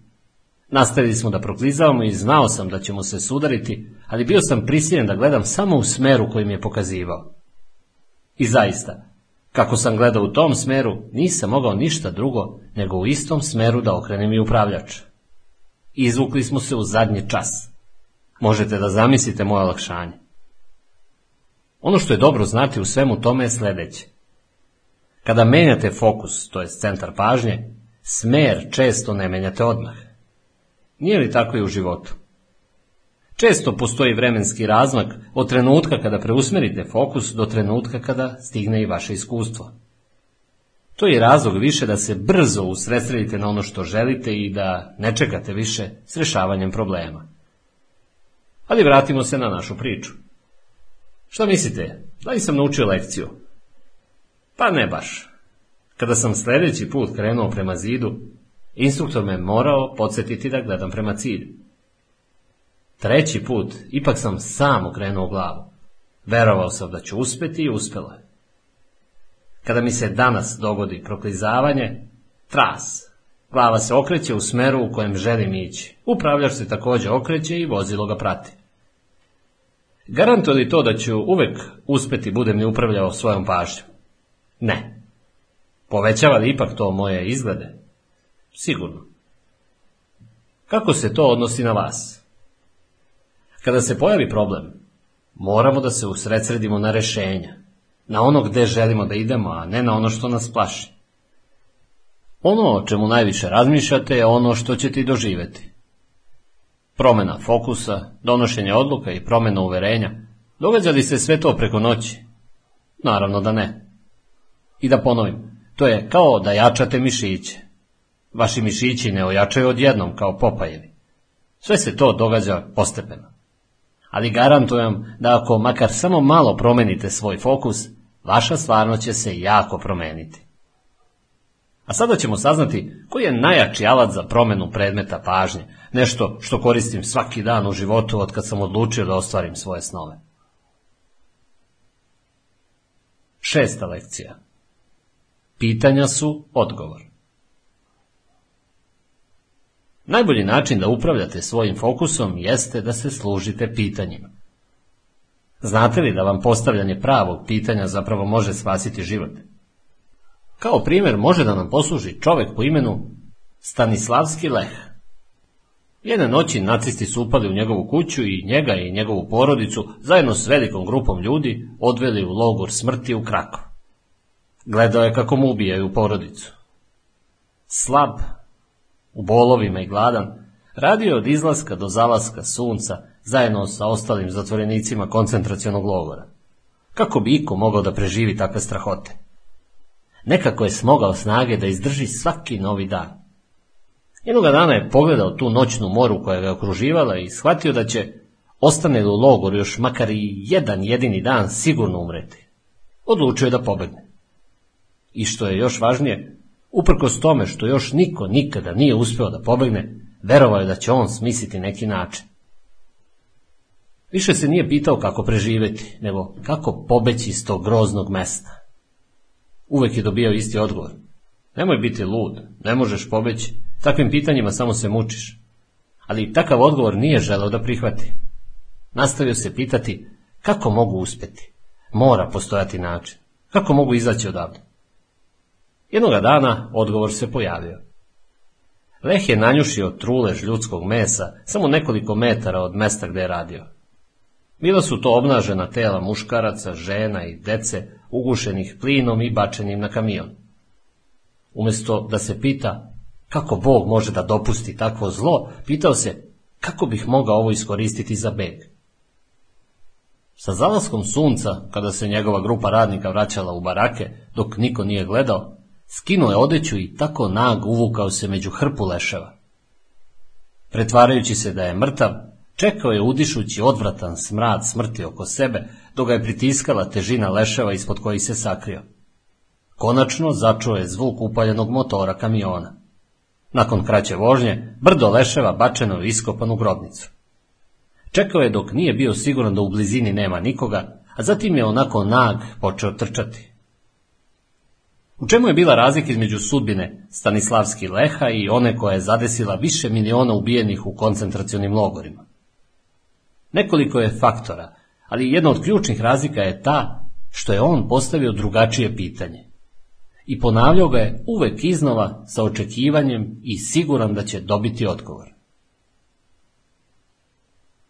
Čitavo vreme postavljamo sebi razna pitanja. Naša pitanja upravljaju našim fokusom, načinom razmišljanja i našim osjećanjima. Jedan od najvažnijih načina pomoću kojih sam preokrenuo svoj život bilo je postavljanje pravih pitanja. Prestao sam se pitati zašto je život tako nepravedan i zašto se moji planovi uvijek izjalove. Umjesto toga, počeo sam sebi postavljati pitanja koja su mi mogla dati korisne odgovore. Najprije sam sastavio popis pitanja za rešavanje problema. Ta pitanja su mi pomogla da potražim i pronađem rešenja uvek kada bi se pojavio neki problem. Pitanja za rešavanje problema. Prvo, šta je dobro u ovom problemu? Drugo, šta još nije savršeno? Treće, šta sam spreman da uradim da bih postigao ono što želim? Četvrto, šta više neću raditi da bih postigao to što želim? I peto, kako mogu da uživam u tom procesu i radim ono što je potrebno da bih postigao ono što želim? Ako vam je na neko od postavljenih pitanja teško da odgovorite, upotrebite izraz mogao bih. Na primjer, šta je to zbog čega bih upravo sada mogao biti srećan u životu? Također postavljam sebi određenu grupu pitanja ujutru kada ustanem i još jednu grupu pitanja uveč, pre odlaska na spavanje. Ona mi pomognu da se preko dana osjećam dobro i da dan završim u dobrom raspoloženju. Jutarnja pitanja koja nam daju snagu. Prvo. Šta me to u mom životu i upravo sada čini srećnim? Zašto me to čini srećnim? Kako se osjećam zbog toga? Drugo. Šta me to u mom životu i upravo sada uzbuđuje? Zašto me to uzbuđuje? Kako se osjećam zbog toga? Treće. Šta me to u mom životu i upravo sada čini ponosnim? Zašto me to čini ponosnim i kako se osjećam zbog toga? Četvrto. Šta me to u mom životu i upravo sada čini zahvalnim? Zašto sam zahvalan na tome i kako se osjećam zbog toga? Peto. Šta je to u mom životu i upravo sada u čemu najviše uživam? Zašto u tome uživam i kako se osjećam zbog toga? Šesto. Šta je to u mom životu na što sam se obavezao i čemu sam predan upravo sada? Zašto sam se obavezao na to i kako se osjećam zbog toga? Sedmo. Koga volim? Ko voli mene? Zašto volim te ljude? Kako se osjećam zbog toga? Večernja pitanja koje nam daju snagu. Prvo. Šta sam dao danas? Na koje načine sam danas davao? Drugo. Šta sam danas naučio? Treće. Kako sam danas poboljšao kvalitet svog života? Kako današnji dan mogu iskoristiti kao investiciju u svoju budućnost? Ova pitanja bila su moj pojas za spasavanje. Pomoći će vam da promenite svoj fokus i mogu vam pomoći da promenite svoj život. Dar velikih pitanja Kada naučite da postavljate velika pitanja koja vam daju snagu, možete pomoći i sebi, ali i drugima. Jednom sam u Njujorku ručao s jednim prijateljem i poslovnim saradnikom. Bio je istaknuti advokat i ja sam mu se divio zbog poslovnog uspeha koji je postigao izgrađujući svoju advokatsku kancelariju dok je još bio mladić. No tog dana je pretrpeo, kako je rekao, težak udarac. Njegov partner napustio je kompaniju ostavivši ga samog sa ogromnim troškovima i vrlo malo ideja o tome kako da reši problem. Ne zaboravite da se usred sredio na utvrđivanje značenja. U svakoj se situaciji možete usredsrediti na nešto zbog čega ćete se osjećati bolje ili na nešto zbog čega ćete se osjećati loše. Šta god odlučili, tako će i biti. Problem je bio u tome što je postavio sva pogrešna pitanja. Kako me partner mogao napustiti na takav način? Zar mu je sve jedno? Zar mu nije jasno da mi uništava život? Zar ne razume da ne mogu raditi bez njega? Kako će objasniti klijentima da se više ne mogu baviti advokaturom? Sva ta pitanja izražavala su pretpostavku da je njegov život uništen. Bilo je mnogo načina na koji sam mogao da pomognem svom prijatelju, ali odlučio sam da ću mu postaviti samo nekoliko pitanja.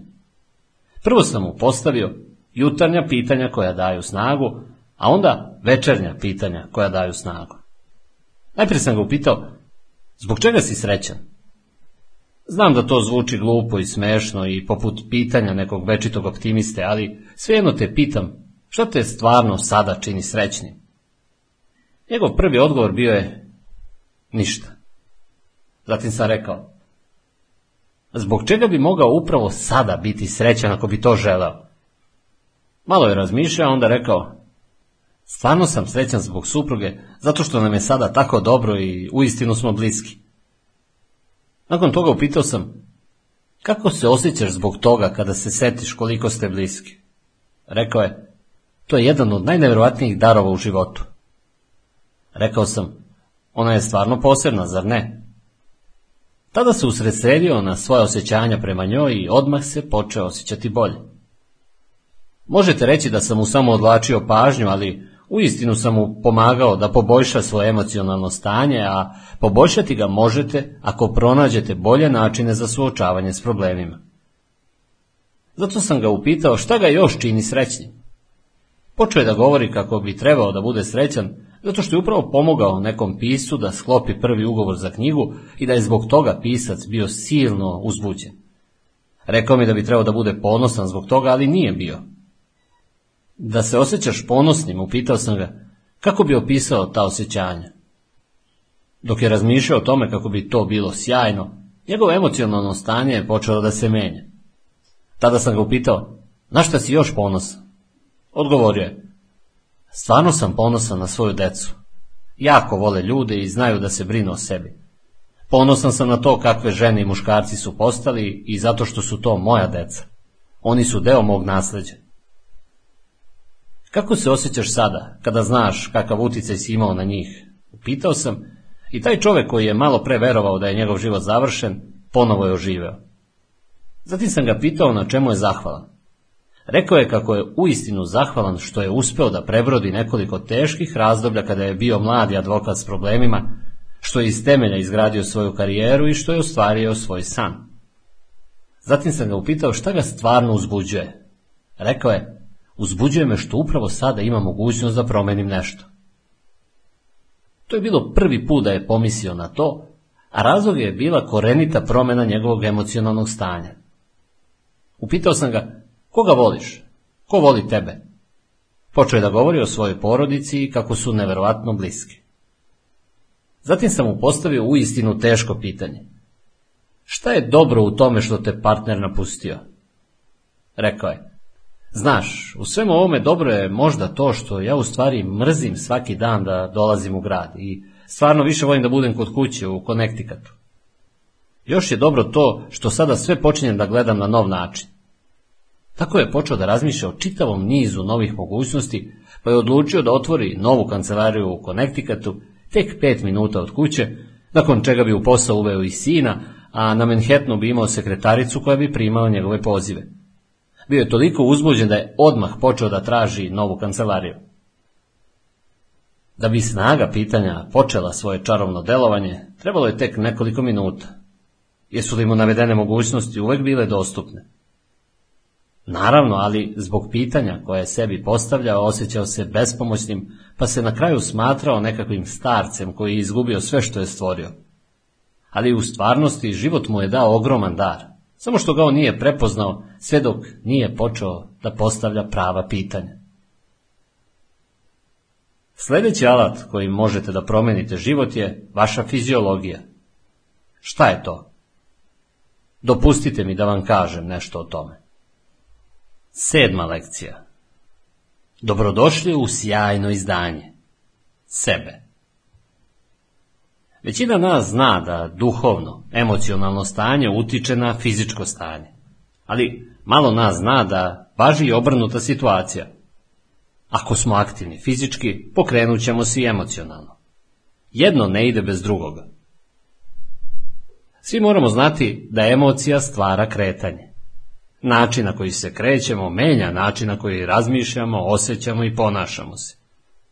Kretanje utiče na hemiju našeg tela, uključujući sve, od većih fizičkih aktivnosti, poput trčanja ili skakanja, pa do najmanjih pokreta mišića lica. Kako, na primjer, izgleda neko ko je depresivan? Ako ste ikad bili depresivni, kako vam je tada izgledalo telo? Da biste se osjećali depresivno, Morate svoje telo da koristite na određeni način, zar ne? Šta treba da uradite s ramenima? Opustiti ih da vise prema napred ili ih povući prema nazad. Odgovor se sam nameće, zar ne? A gde vam je glava? Spuštena. Oči? Spuštene. Dišete li površno? Da biste se osjećali depresivno, treba uložiti napor. Znate kakvi ste kada ste depresivni zato što ste to već probali, zar ne? Svi smo to probali. Evo sada jednog zanimljivog podatka. Dok su mnogi istraživači proučavali utjecaj koji emocije imaju na telo, tek nedavno su pokazali zanimanje za to kako telo utiče na emocije. Jedan od studija pokazuje da nije toliko važno znati da se smejemo kada se osjećamo dobro ili da je glasni smeh rezultat dobrog raspoloženja, koliko je važno da znamo da smešak i glasan smeh pokreću biološke procese zbog kojih se osjećamo dobro. Oni povećavaju protok krvi u mozak i menjaju nivo kiseonika, nivo stimulacije neurotransmitera, svojevrsnih glasnika mozga. Isto se događa i sa ostalim izrazima. Namestite izraz lica u skladu s fiziologijom straha ili ljutnje, gađenja ili iznenađenja i tako ćete se i osjećati. Pre mnogo godina, jedan od najvažnijih načina na koje sam promenio svoj život bila je promjena načina na koji sam se kretao, promjena gestova i načina na koji sam govorio. Ispočetka mi je to bilo pomalo smešno i činilo mi se kao da se pravim važan. No ubrzo sam uvideo da novim načinima pokretanja tela, doslovno putem nervnog sistema, svom mozgu šaljem poruke o tome šta očekujem od sebe. Počeo sam menjati osjećanja i način razmišljanja. Moje misli postale su dinamičnije, a postupci snažniji, pozitivniji i agresivniji. Ali tajna je bila u tome što sam u početku to radio svesno i namerno, sve dok te nepoznate pokrete nisam u potpunosti usvojio i dok nisu postali deo mene. Na kraju više o njima nisam morao ni da razmišljam. Više nisam glumio. Bile su to jednostavno moćne, pozitivne navike u mom umu i u nervnom sistemu. Moji pokreti bili su kopije onoga što sam video da rade ljudi puni samopouzdanja. Ja sam ih samo oponašao jednakom snagom i revnošću. Tako sam stekao potpuno novi pogled na život, zbog čega sam postao i mnogo uvedljiviji. Sada sam mogao početi pozitivno uticati i na sebe i na svoje prijatelje i poslovne saradnike. Možda vam to zvuči kao preterano pojednostavljivanje stvari. Promenite svoja kretanja i promenit ćete svoj život, ali to je apsolutno istinito. Što je veća promjena pokreta, to veće će biti svakodnevne promjene vaših osjećanja i dela.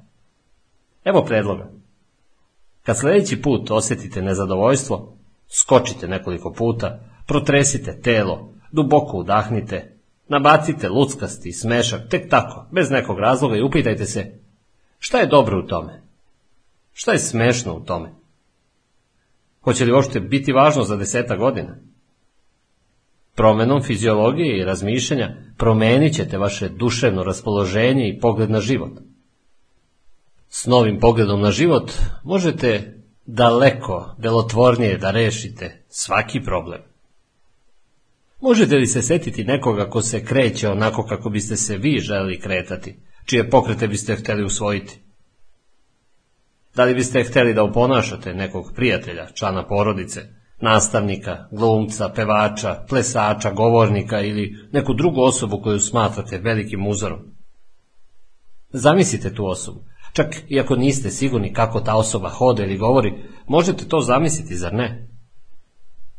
Zamislite da ste slavni vođa tima koji je upravo postigao pobedu u finalu. Kako biste hodali? Da li biste spustili glavu i obesili ramena? Ma kakvi? Šepurili biste se poput pauna. Čitavim telom govorili biste, ja sam najveći. Da li bi to promenilo vaše osjećanje i postupke? U to nema nikakve sumnje. Vidjet ćete, ako se krećete onako kako to radi neko drugi, počet ćete da se osjećate gotovo isto kao ta osoba. Probajte to odmah, pre nego što krenete na sljedeće poglavlje. Ustanite i dok slušate ovo poglavlje, pomislite na neki cilj ili na neku želju koju imate, na nešto što biste stvarno želeli da vam se dogodi. Dok tako razmišljate o tome, počnite da se nadate da će se to i dogoditi. Stojite onako kako stojite dok se nadate, a niste sigurni hoće li vam uspeti. Nadate se da će uspeti. Nadate se da se neće izjaloviti. Kako dišete dok niste sigurni, dok se samo nadate? Kako vam izgleda lice dok se samo nadate? Gde su vam ramena dok se nadate? Gde vam je težište tela? Šta zamišljate dok se samo nadate da ćete ostvariti svoj cilj? Vidite li kako deluje i kako ne deluje? Pokušajte odmah. Nemojte ovo samo poslušati i zanemariti. Sada zamislite da ste se zabrinuli. Namerno počnite da brinete zbog svog cilja. Tek nekoliko trenutaka da vidite šta će se dogoditi s telom. Šta radite s rukama kada ste zabrinuti? A sa ramenima? Osjećate li napetost u telu? Usporavate li ili skraćujete dah? Šta se događa s mišićima lica? Kakav vam je glas dok ste zabrinuti? Šta vidite? Vidite li neuspeh? Vidite li u glavi samo najgore mogući scenarij? I ponovo se odmah sada dovedite u to stanje i obratite pažnju na to šta morate raditi s telom da biste se osjećali zabrinuto. Sada se vratite iz tog stanja i ponovo počnite da se osjećate sigurni.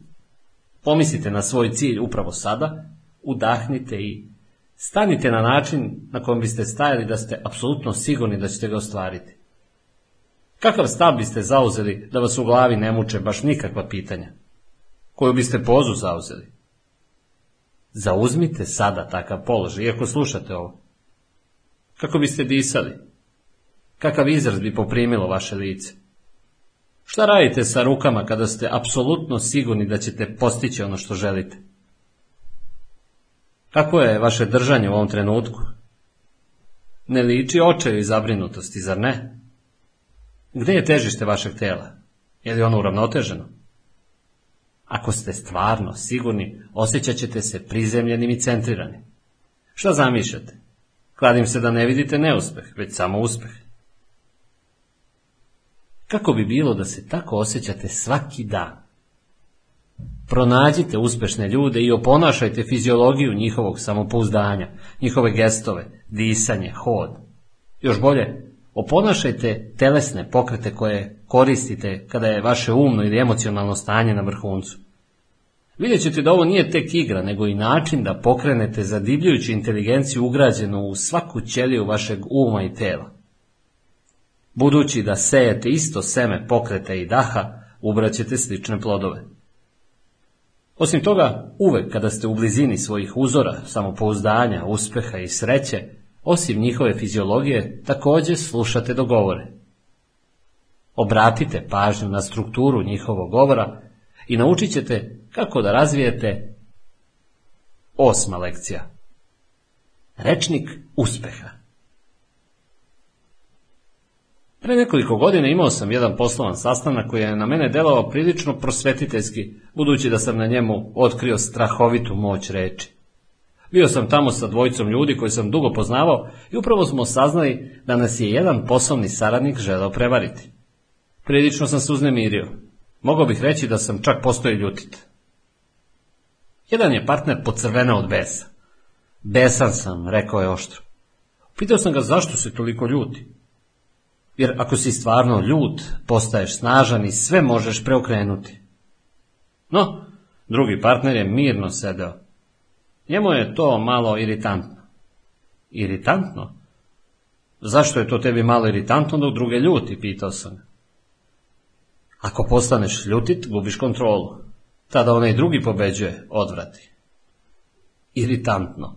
Mislio sam da je to najgluplja reč koju sam ikada čuo. Kako taj uspešan čovjek uopšte uspe da zadrži ozbiljno lice dok hoda naokolo i izgovara je? Odgovor je bio, ne uspeva. Gotovo je uživao da govori o stvarima koje su mene izluđivale. Njegova reč imala je definitivan učinak na njega i na mene. Nekako, kada bih rekao iritantno, postao bih manje ljut. Tako sam i ja pokušao isto. Otišao sam na službeni put. Ušao u hotel i ustanovio da nemaju sobu za mene. Oprostite, rekao sam, ali što duže ovdje stojim, sve više mi je to iritantno. Recepcioner podiže pogled, ne znajući kako da reaguje i nasmeši se preko volje. Morao sam se i ja nasmejati. Sljedećih nekoliko nedelja tu reč sam stalno ponavljao. Svaki put mi se činila tako glupom da je uspjela da prekine moju ljutnju ili nezadovoljstvo. Bila je to tek jedna jedina reč. No, način na koji govorimo i reči koje koristimo utiču na način na koji razmišljamo i na koji se ponašamo. Ako kažete ljutit, besan, potpuno oprvan, šta ćete osjećati? Šta ćete se pitati? O čemu ćete razmišljati? Neće li vam pritisak skočiti do neba? No, pretpostavimo da niste ljutiti, nego da vam je to malo iritantno. Da niste zasuti poslom, nego da ste traženi. Da niste besni, nego začuđeni. Da vas to ne srdi, nego stimuliše. Da niste odbijeni, nego neshvaćeni. I da niste obhrvani, nego malo uznemireni. Mislite li da biste se osjećali drugačije? Verujte da bi. Možda vam to izgleda besmisleno i jednostavno. Ne može biti da je tako lako promeniti osjećanja promenom jezika. Ali istina je da reči imaju tu moć. Zato smo toliko dirnuti kada i nakon više decenija ponovo čujemo reči Martina Lutera Kinga mlađeg, kada je govorio o svom snu, ili Johna F. Kennedya kada je govorio o tome šta jedan čovjek može da učini za svoju zemlju. Reči menjaju način na koji osjećamo. Mnogi od nas nisu svesni reči koje koriste u svakodnevnoj komunikaciji, a kamoli njihovog utjecaja na način razmišljanja i osjećanja. Ako vam, na primjer, neko kaže da se varate u pogledu nečega, reagovat ćete na određeni način. Ako vam pak kaže da nemate pravo, vaša reakcija mogla bi biti oštrija. Ako vam kaže da lažete, iako je to u suštini ista stvar, Samo zbog promjene jedne reči u trenutku ćete promijeniti način razmišljanja i osjećanja. Nije li tako? Važi suprotno. Možete pojačati svoje osjećanje zadovoljstva i sreće već i samom promjenom načina na koji ih opisujete. Budite ushićeni umjesto dobro. Budite fascinirani umjesto zainteresovani. Osjećajte se sjajno umjesto dobro. Umjesto lepo osjećate se fenomenalno i niste odlučni, nego nezaustavljivi. Zato se pripremite za novo testiranje rečnika. Sjetite se nekoliko reči kojima opisujete svoj život kada se osjećate jadno i nesresno. Zatim se setite novih reči koje možete koristiti umjesto njih. Neka budu smešne ako želite. Zabavite se. Siguran sam da ćete se setiti sjajnih reči. Da biste dobili nekoliko ideja, evo popisa nekih reči koje sam čuo u zadnjih nekoliko godina. Kod negativnog izraza, ljutit postaje razočaran. Depresivan, smiren preakcije. Razočaran, usporen. Neugodno mi je, svestan sam. To smrdi, ima neku aromu. Neuspeo, poučan. Izgubljen, u potrazi. Strašan, drugačiji. Sada se setite reči kojih su vaše iskustva stvarno prepuna. Zamenite te obične reči pravim draguljima. Odmah počnite da koristite svoje nove reči. Morate maksimalno da se potrudite. Stavite se u puni pogon, nemojte tek ubijati vreme. Ako vam je ovo teško, odgovorite na pitanje Deveta lekcija.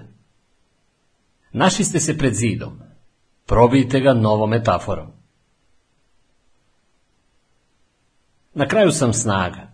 Ne mogu dalje. Pući će mi glava. Nalazim se na raskršću. Ispao sam iz igre. Sve se slavilo na moja pleća. Šta je zajedničko svim ovim izjavama? Sve su to metafore. Ali šta je metafora? Kada opisujemo nešto pomoću nečeg drugog, stvaramo metaforu. Metafore su poput simbola, brz način da kažemo mnogo toga. Ljudi se čitavo vrijeme koriste metaforama kako bi opisali kako se osjećaju i šta misle. Život je borba i život je bajka, dve su metafore i dva vrlo različita načina gledanja na svet.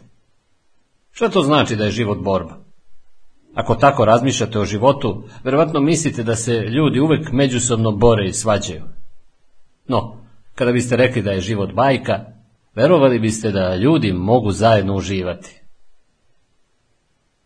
Iza svake metafore nalazi se određeni sistem uverenja. Kada izaberete neku metaforu kojom opisujete svoj život ili neki problem, njome birate i uverenja koje ona zastupa. Zato budite oprezni kada opisujete svoj svet, sebi i svima drugima. Dvoje ljudi čim se metaforama divim su glumac Martin Sheen i njegova supruga Janet. Njihova metafora za čovečanstvo je jedna ogromna porodica. Rezultat je da osjećaju duboku ljubav i saosjećanje, čak i prema potpunim strancima. Sjećam se kako mi je Martin jednom ispričao dirljivu priču o tome kako mu se život promijenio pre mnogo godina kada je snimao film Apokalipsa danas. Pre toga mislio je da je život nešto čega se treba bojati. Sada ga smatra zanimljivom izazovom. Zašto? Njegova nova metafora je život je misterija. Kako je došlo do promjene metafore? Intenzivnim tempom. Snimalo se pod velikim pritiskom roka duboko u filipinskim džunglama. Nakon nemirne noći, ujutru kada se probudio, shvatio je da je doživao težak srčani udar. Delovi tela bili su bez osjećaja i paralisani. Bacio se na tlo i isključivo snagom volje otpuzao do vrata gde je uspeo da dozove pomoć. Zahvaljujući naporima ekipe, doktora pa čak i pilota kaskadera, Martin je avionom prebačen u bolnicu radi hitne neke. Janet je pohrlila k njemu. Svakim trenutkom postojao je sve slabiji. Janet je odbila da prihvati ozbiljnost situacije. Znala je da je Martinu potrebna snaga, pa se široko osmehnula i rekla mu, to je samo film, dušo, samo film. Martin mi je rekao kako je u tom trenutku znao da će uspeti. Nije se mogao smejati, ali se osmehnuo i s tim je osmehom počelo njegovo izlečenje. Kakva sjajna metafora. U filmovima ljudi ne umiru stvarno, zar ne? U filmu vi odlučujete kako će se sve završiti. Čujem vas kako kažete, sve to zvuči sjajno, ali u ovom trenutku stvarno se osjećam kao da sam okružen nekom ogradom. Odlično. E pa, nađite vrata i otvorite ih. Da, mogli biste reći, ali sve se svalilo na moje leđa. E pa skinite taj teret i krenite dalje. Kako opisujete svoj svet? Je li to neki test? Iskušavanje? Borba? A kako bi bilo da je ples? Ili igra? Da je život ples, šta bi to značilo? Imali biste partnere, graciozne pokrete i sklad. A da je igra, bilo bi zabavno. Imali biste priliku da se igrate s drugim ljudima. Možda bi čak postojala pravila i pobednici.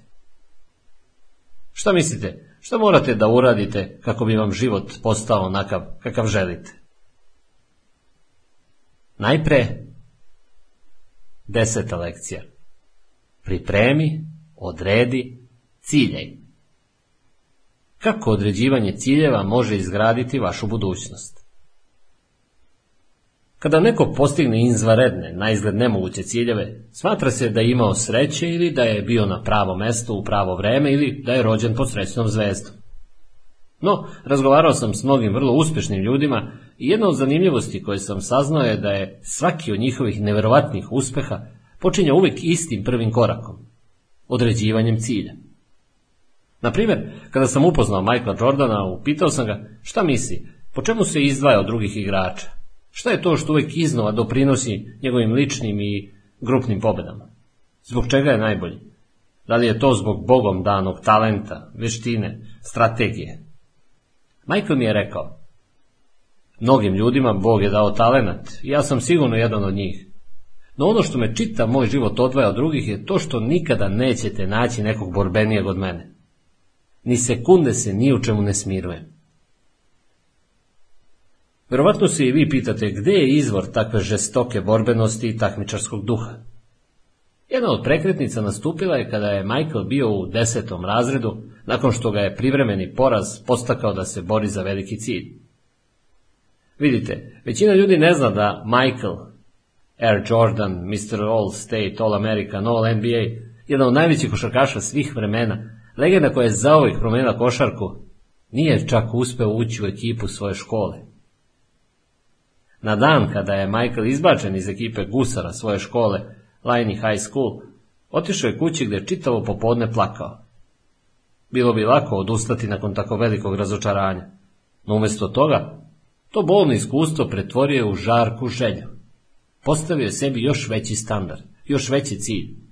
Dono je stvarnu i moćnu odluku. Odluku koja će zacrtati njegovu sudbinu i sudbinu košarke.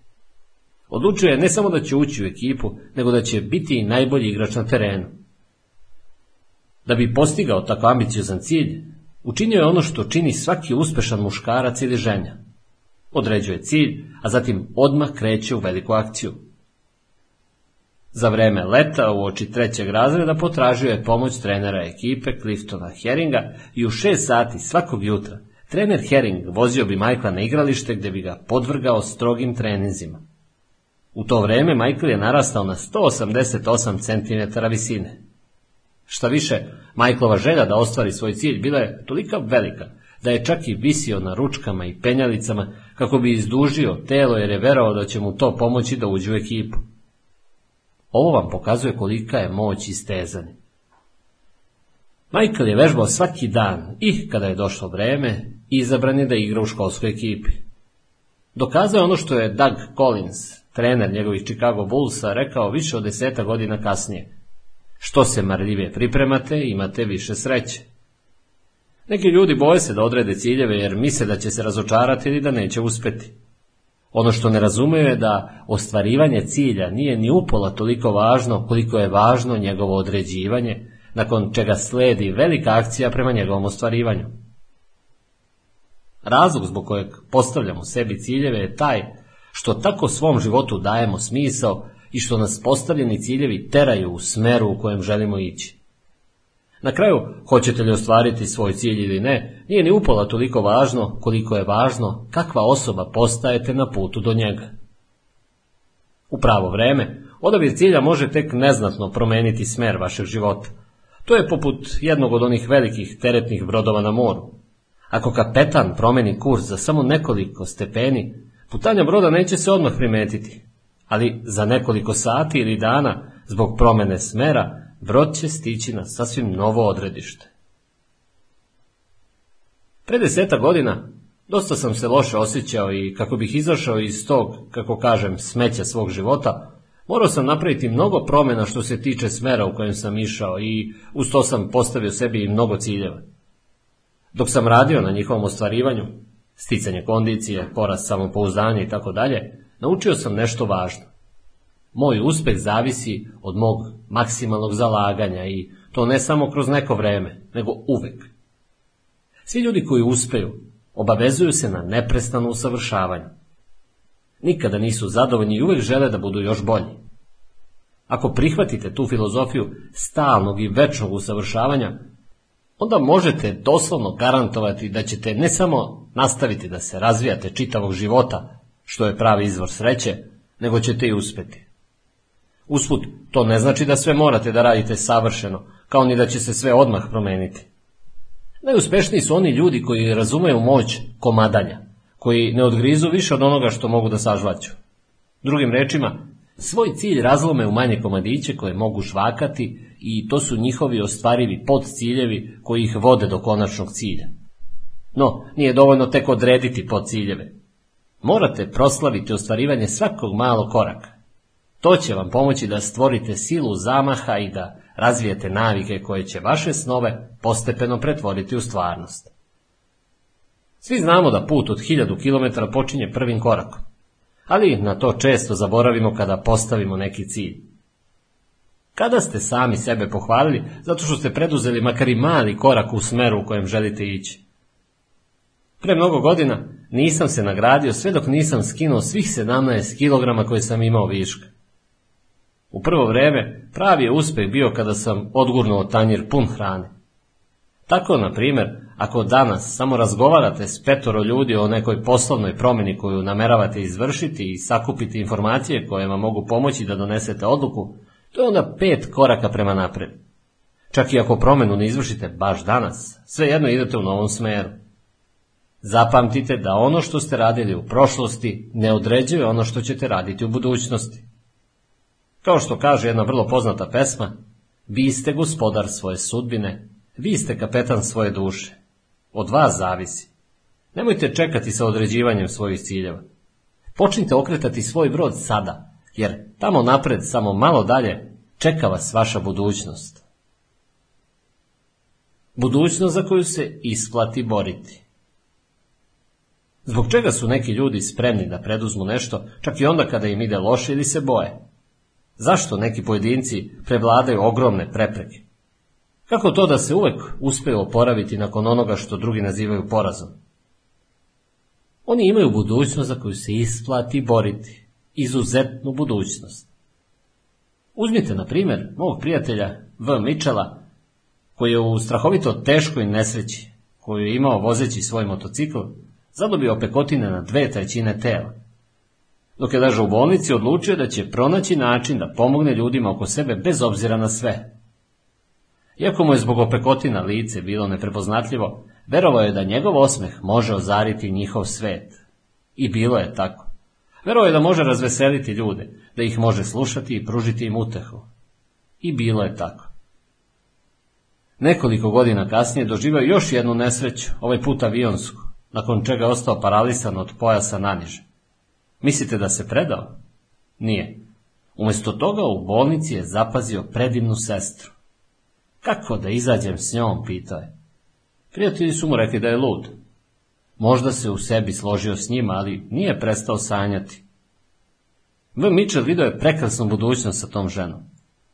Upotrebio je svoj šarm, pamet, duhovitost, slobodan duh i dinamičnu ličnost ne bi li je privukao i na kraju se njome oženio. Većina ljudi u njegove situaciji ne bi ni pokušala, ali on je posegnuo za zvezdama i zauvek promenio svoj život. Kako je stvorio svoju izvanrednu budućnost? Postavio je ciljeve koje su uveliko nadmašivali ono što je mislio da može postići. Donao je odluku da, bez obzira na sve, mora postići te ciljeve. Učinio ih je mogućima tako što ih je razbio u manje komadiće koje je mogao žvakati, male, sićušne pokrete koje je trebao da izvede svakog dana pre nego što je bio u stanju da preduzme veće korake u životu.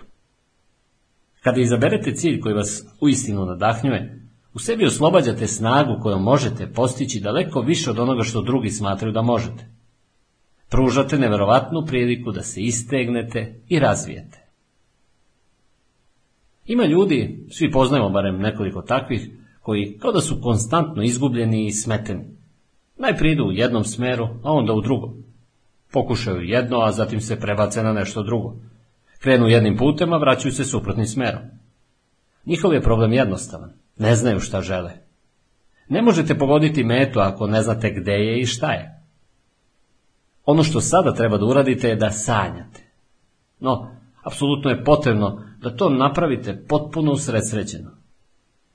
Ako samo pročitate ili poslušate ovu knjigu, nema velike koristi. Morate sesti i staviti svoj san na papir.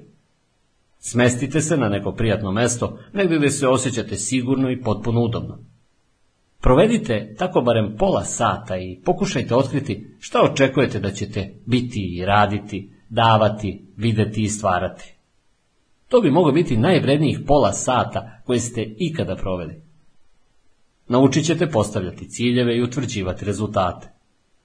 Napravit ćete kartu sa putevima kojima želite putovati u svom životu. Uvidjet ćete gdje želite ići i kako da stignete tamo. Dopustite da počnem s jednim velikim upozorenjem.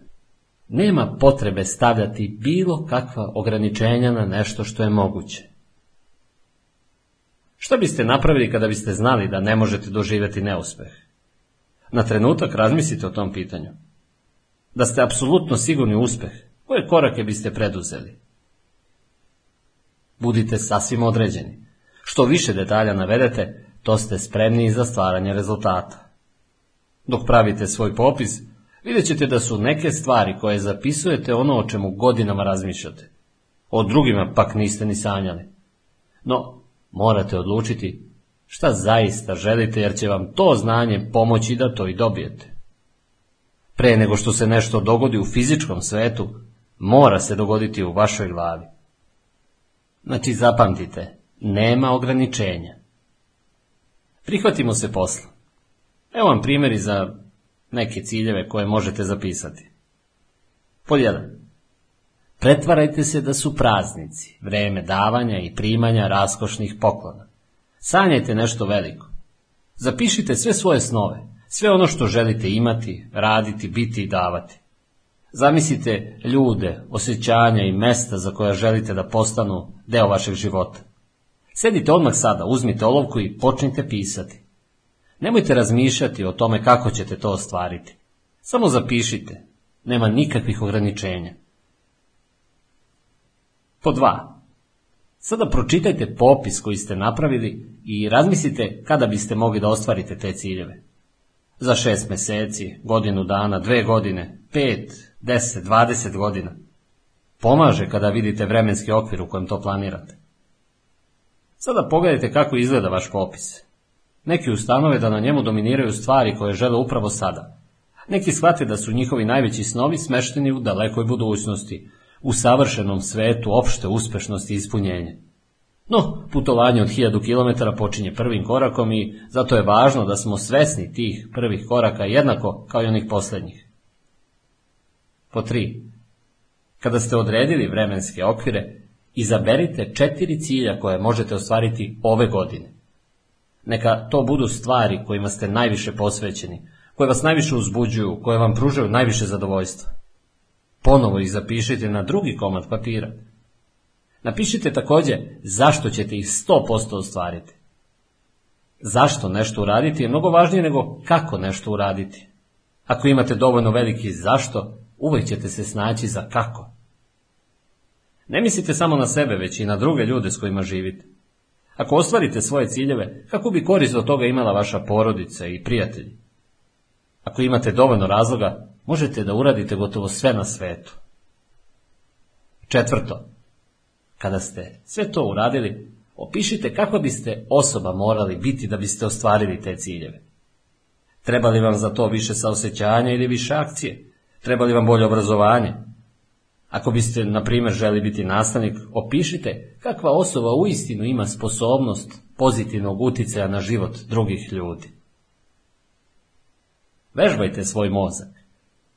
Jedno od mojih pravila je da uvek, kada postavim neki cilj, odmah preduzmem nešto da ga podržim. V. Mitchell počeo je da se smeši ljudima onoga dana kada je odlučio da će dati nešto svetu. Odmah je upitao sestru hoće li izaći s njim. No ljubav se nije razvila preko noći. I u vašem slučaju napredak će se odvijati korak po korak. Kao svoj najbolji prijatelj, ne biste se kaznili zato što niste iz prvog postigli svoj cilj, jel tako? I na kraju, vežbajte svoj mozak tako da zna da je ovaj cilj nešto na čemu svakodnevno radite. Dva puta na dan sedite mirno nekoliko minuta i mislite na svoj cilj. Zamislite da ste ga već postigli. Osjetite zadovoljstvo, ponos i uzbuđenje zbog tog postignuća. Vidite i čujte sve te prekrasne detalje. Prekrasan osjećaj, zar ne? Verujete li u sve ovo? Da? Ne? Tako, tako? Želo bi da vam dokažem da sve ovo u istinu deluje. Zato sam smislio jednu igru. Ako pristanete da je odigrate do kraja, ako pristanete i prihvatite sve njene izazove, svom svojom odlučnošću, isplatit će vam se daleko više nego što uopšte možete zamisliti. Spremni? Krenimo onda na 11. lekcija. Desetodnevni mentalni izazov. Ako ništa drugo spomenuto u ovoj knjizi ne uradite, ovo svakako uradite. Ovo nazivam desetodnevnim mentalnim izazovom. Radi se o vežbi koja mi je preokrenula život. Kako? Omogućila mi je da vladam svojim mislima tako što sebi ne dopuštam neprestano razmišljanje o nečem negativnom. Spremni? Evo pravila igre. Pod jedan. Tokom sljedećih deset dana odbijte da razmišljate o bilo kakvim neugodnim mislima, osjećanjima, pitanjima, rečima ili metaforama. Po dva. Kada se uhvatite kako razmišljate o nečem negativnom, a hoćete, odmah sebi postavite pitanja pomoću kojih ćete početi da razmišljate o boljim stvarima. Počnite s pitanjima za rešavanje problema. Po tri. Kada se ujutru probudite, postavite sebi jutarnja pitanja koja daju snagu, a uveče pre nego što zaspite, postavite večernja pitanja koja daju snagu. Učinit će čuda. Pod četiri. Sljedećih deset dana u potpunosti se usredsredite na rešenja, a ne na probleme. Pod pet. Ako vam dođe kakva loša misao, pitanje ili osjećaj, ne nervirajte se, samo ih odmah promenite. Međutim, ako nastavite da razmišljate o tome duže od pet minuta, morate pričekati do sljedećeg jutra i ponovo početi desetodnevni ciklus. Cilj je deset uzastopnih dana izbjegavati negativna razmišljanja. Svaki put kada predugo razmišljate o bilo čemu negativnom, morate početi iznova, bez obzira koliko dana za redom ste već uspjeli preći. Želim da znate da je moć ovog desetominutnog mentalnog izazova uistinu neverovatna. Budete li uporni, u vašem životu pokrenut će se niz blagodeti koje neće prestati. Navodim vam samo četiri stvari koje će vam ovo iskustvo dati. Prva, pomoći će vam da vidite sve mentalne navike, vaše uobičajene misli koje vas sprečavaju da napredujete. Druga, pomoći će vašem mozgu da potraži snažne i korisne alternative. Treća, daće vam veliku inekciju samopouzdanja jer ćete vidjeti da možete da preokrenete svoj život. I četvrta, stvorit će nove navike, nova merila i nova očekivanja pomoću kojih ćete se razvijati i uživati u životu sve više i više svakoga dana. Dobrodošli u svet ljubavi. Prvi put kada sam počeo desetodnevni mentalni izazov, izdržao sam samo dva dana. No, mogu vam reći da, zahvaljujući tome što sam se pridržavao viših merila i zahvaljujući mojoj upornosti sve do konačnog uspeha, desetodnevni mentalni izazov postalo je iskustvo koje mi je promenilo život. Znam da će uz marljivost i upornost proizvesti istu slobodu za vas kao što je to učinio i za mene. A sada bih vam želeo ponuditi drugačiji izazov, poseban poziv ako želite. Ovu knjigu započeli smo tvrdnjom kako je jedan od najboljih načina rešavanja problema i stvaranja svoje sreće da pomognemo nekom drugom koje je u još težem položaju od nas. Kada mi ljudi kažu da im je život težak, da im se problemi koji imaju čine nerešivim, prvo im pomognem da se oslobode takvog načina razmišljanja koji im je očigledno postalo navik. Suočim ih s jednostavnim zahtevom. Želim da zaboravite svoje probleme na dan, dva, potražite nekoga koji je u težoj situaciji nego što ste vi sada i pomognete toj osobi da makar malo popravi svoju situaciju. Moj savjet često dočeka njihov pogled koji govori niko nema veći problem nego što je moj. Naravno, to nikada nije istina. Ako ste izgubili posao, potražite nekoga koji je izgubio sina ili čerku. Ako se mučite, ne biste li spojili kraj sa krajem, pronađite nekog beskućnika koji se muči da preživi na ulici. Ako se uzbuđujete jer vas je zaobišlo očekivano unapređenje, pronađite neko ko se stisnuo u uglu haustora u potrazi za skrovištem od nevremena, a sve što ga drži u životu nalazi u javnim kuhinjama. Ne zaboravite koliko ste zapravo srećni. Oko vas sigurno postoji barem jedna osoba s većim problemom nego što je vaš. Pomaganje ima dva rezultata. Prvi, dobijate realnu sliku svog problema. Vaš teret izgleda će lakši, a osim toga iz prve ruke vidjet ćete zadivljujuću hrabrost ljudi koji se nose s najtežim životnim problemima. Uvidjet ćete da uvek postoji način da problem preokrenete. I drugi, čak i ako problem ne rešite, čak i ako samo pružite utehu i pažnju punu ljubavi, naučit ćete da ne možete dati dar, a da vam se ne vrati desetostruko. Ne kažem da ćete dobiti neke nagrade za svoj trud, Govorimo o pokretanju jedne od najdubljih ljudskih potreba, potrebe da se osjećamo korisnim.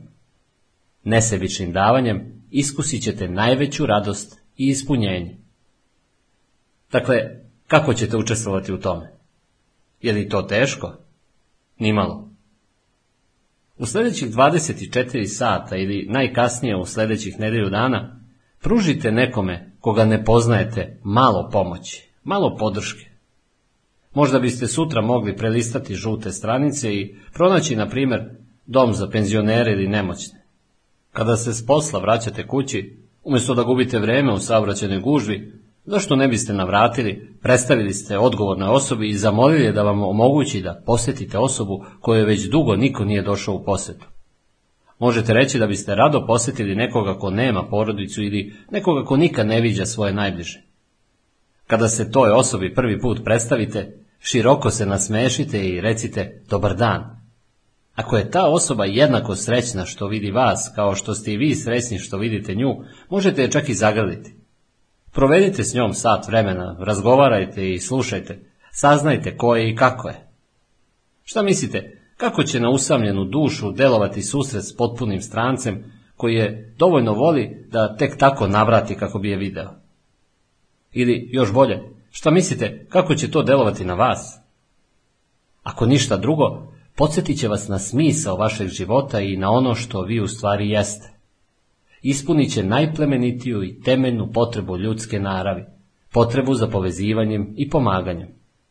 To će vas promeniti. Zato uzmite vremena i poklonite dar koji dolazi samo onima koji nesebično daju. Kako se naše druženje približava kraju, želio bih vas zamoliti za jednu sasvim ličnu uslugu. Obećajte mi da ćete jako paziti na sebe. Što vam bude bolje, to ćete više moći pružiti drugima. Još bolje, idite i dalje od brige za sebe. Stvorite izvaredan život. Običan život uz malo dodatne posvećenosti, predanosti i ljubavi. Zbogom i blagoslovljeni bili Anthony Robbins.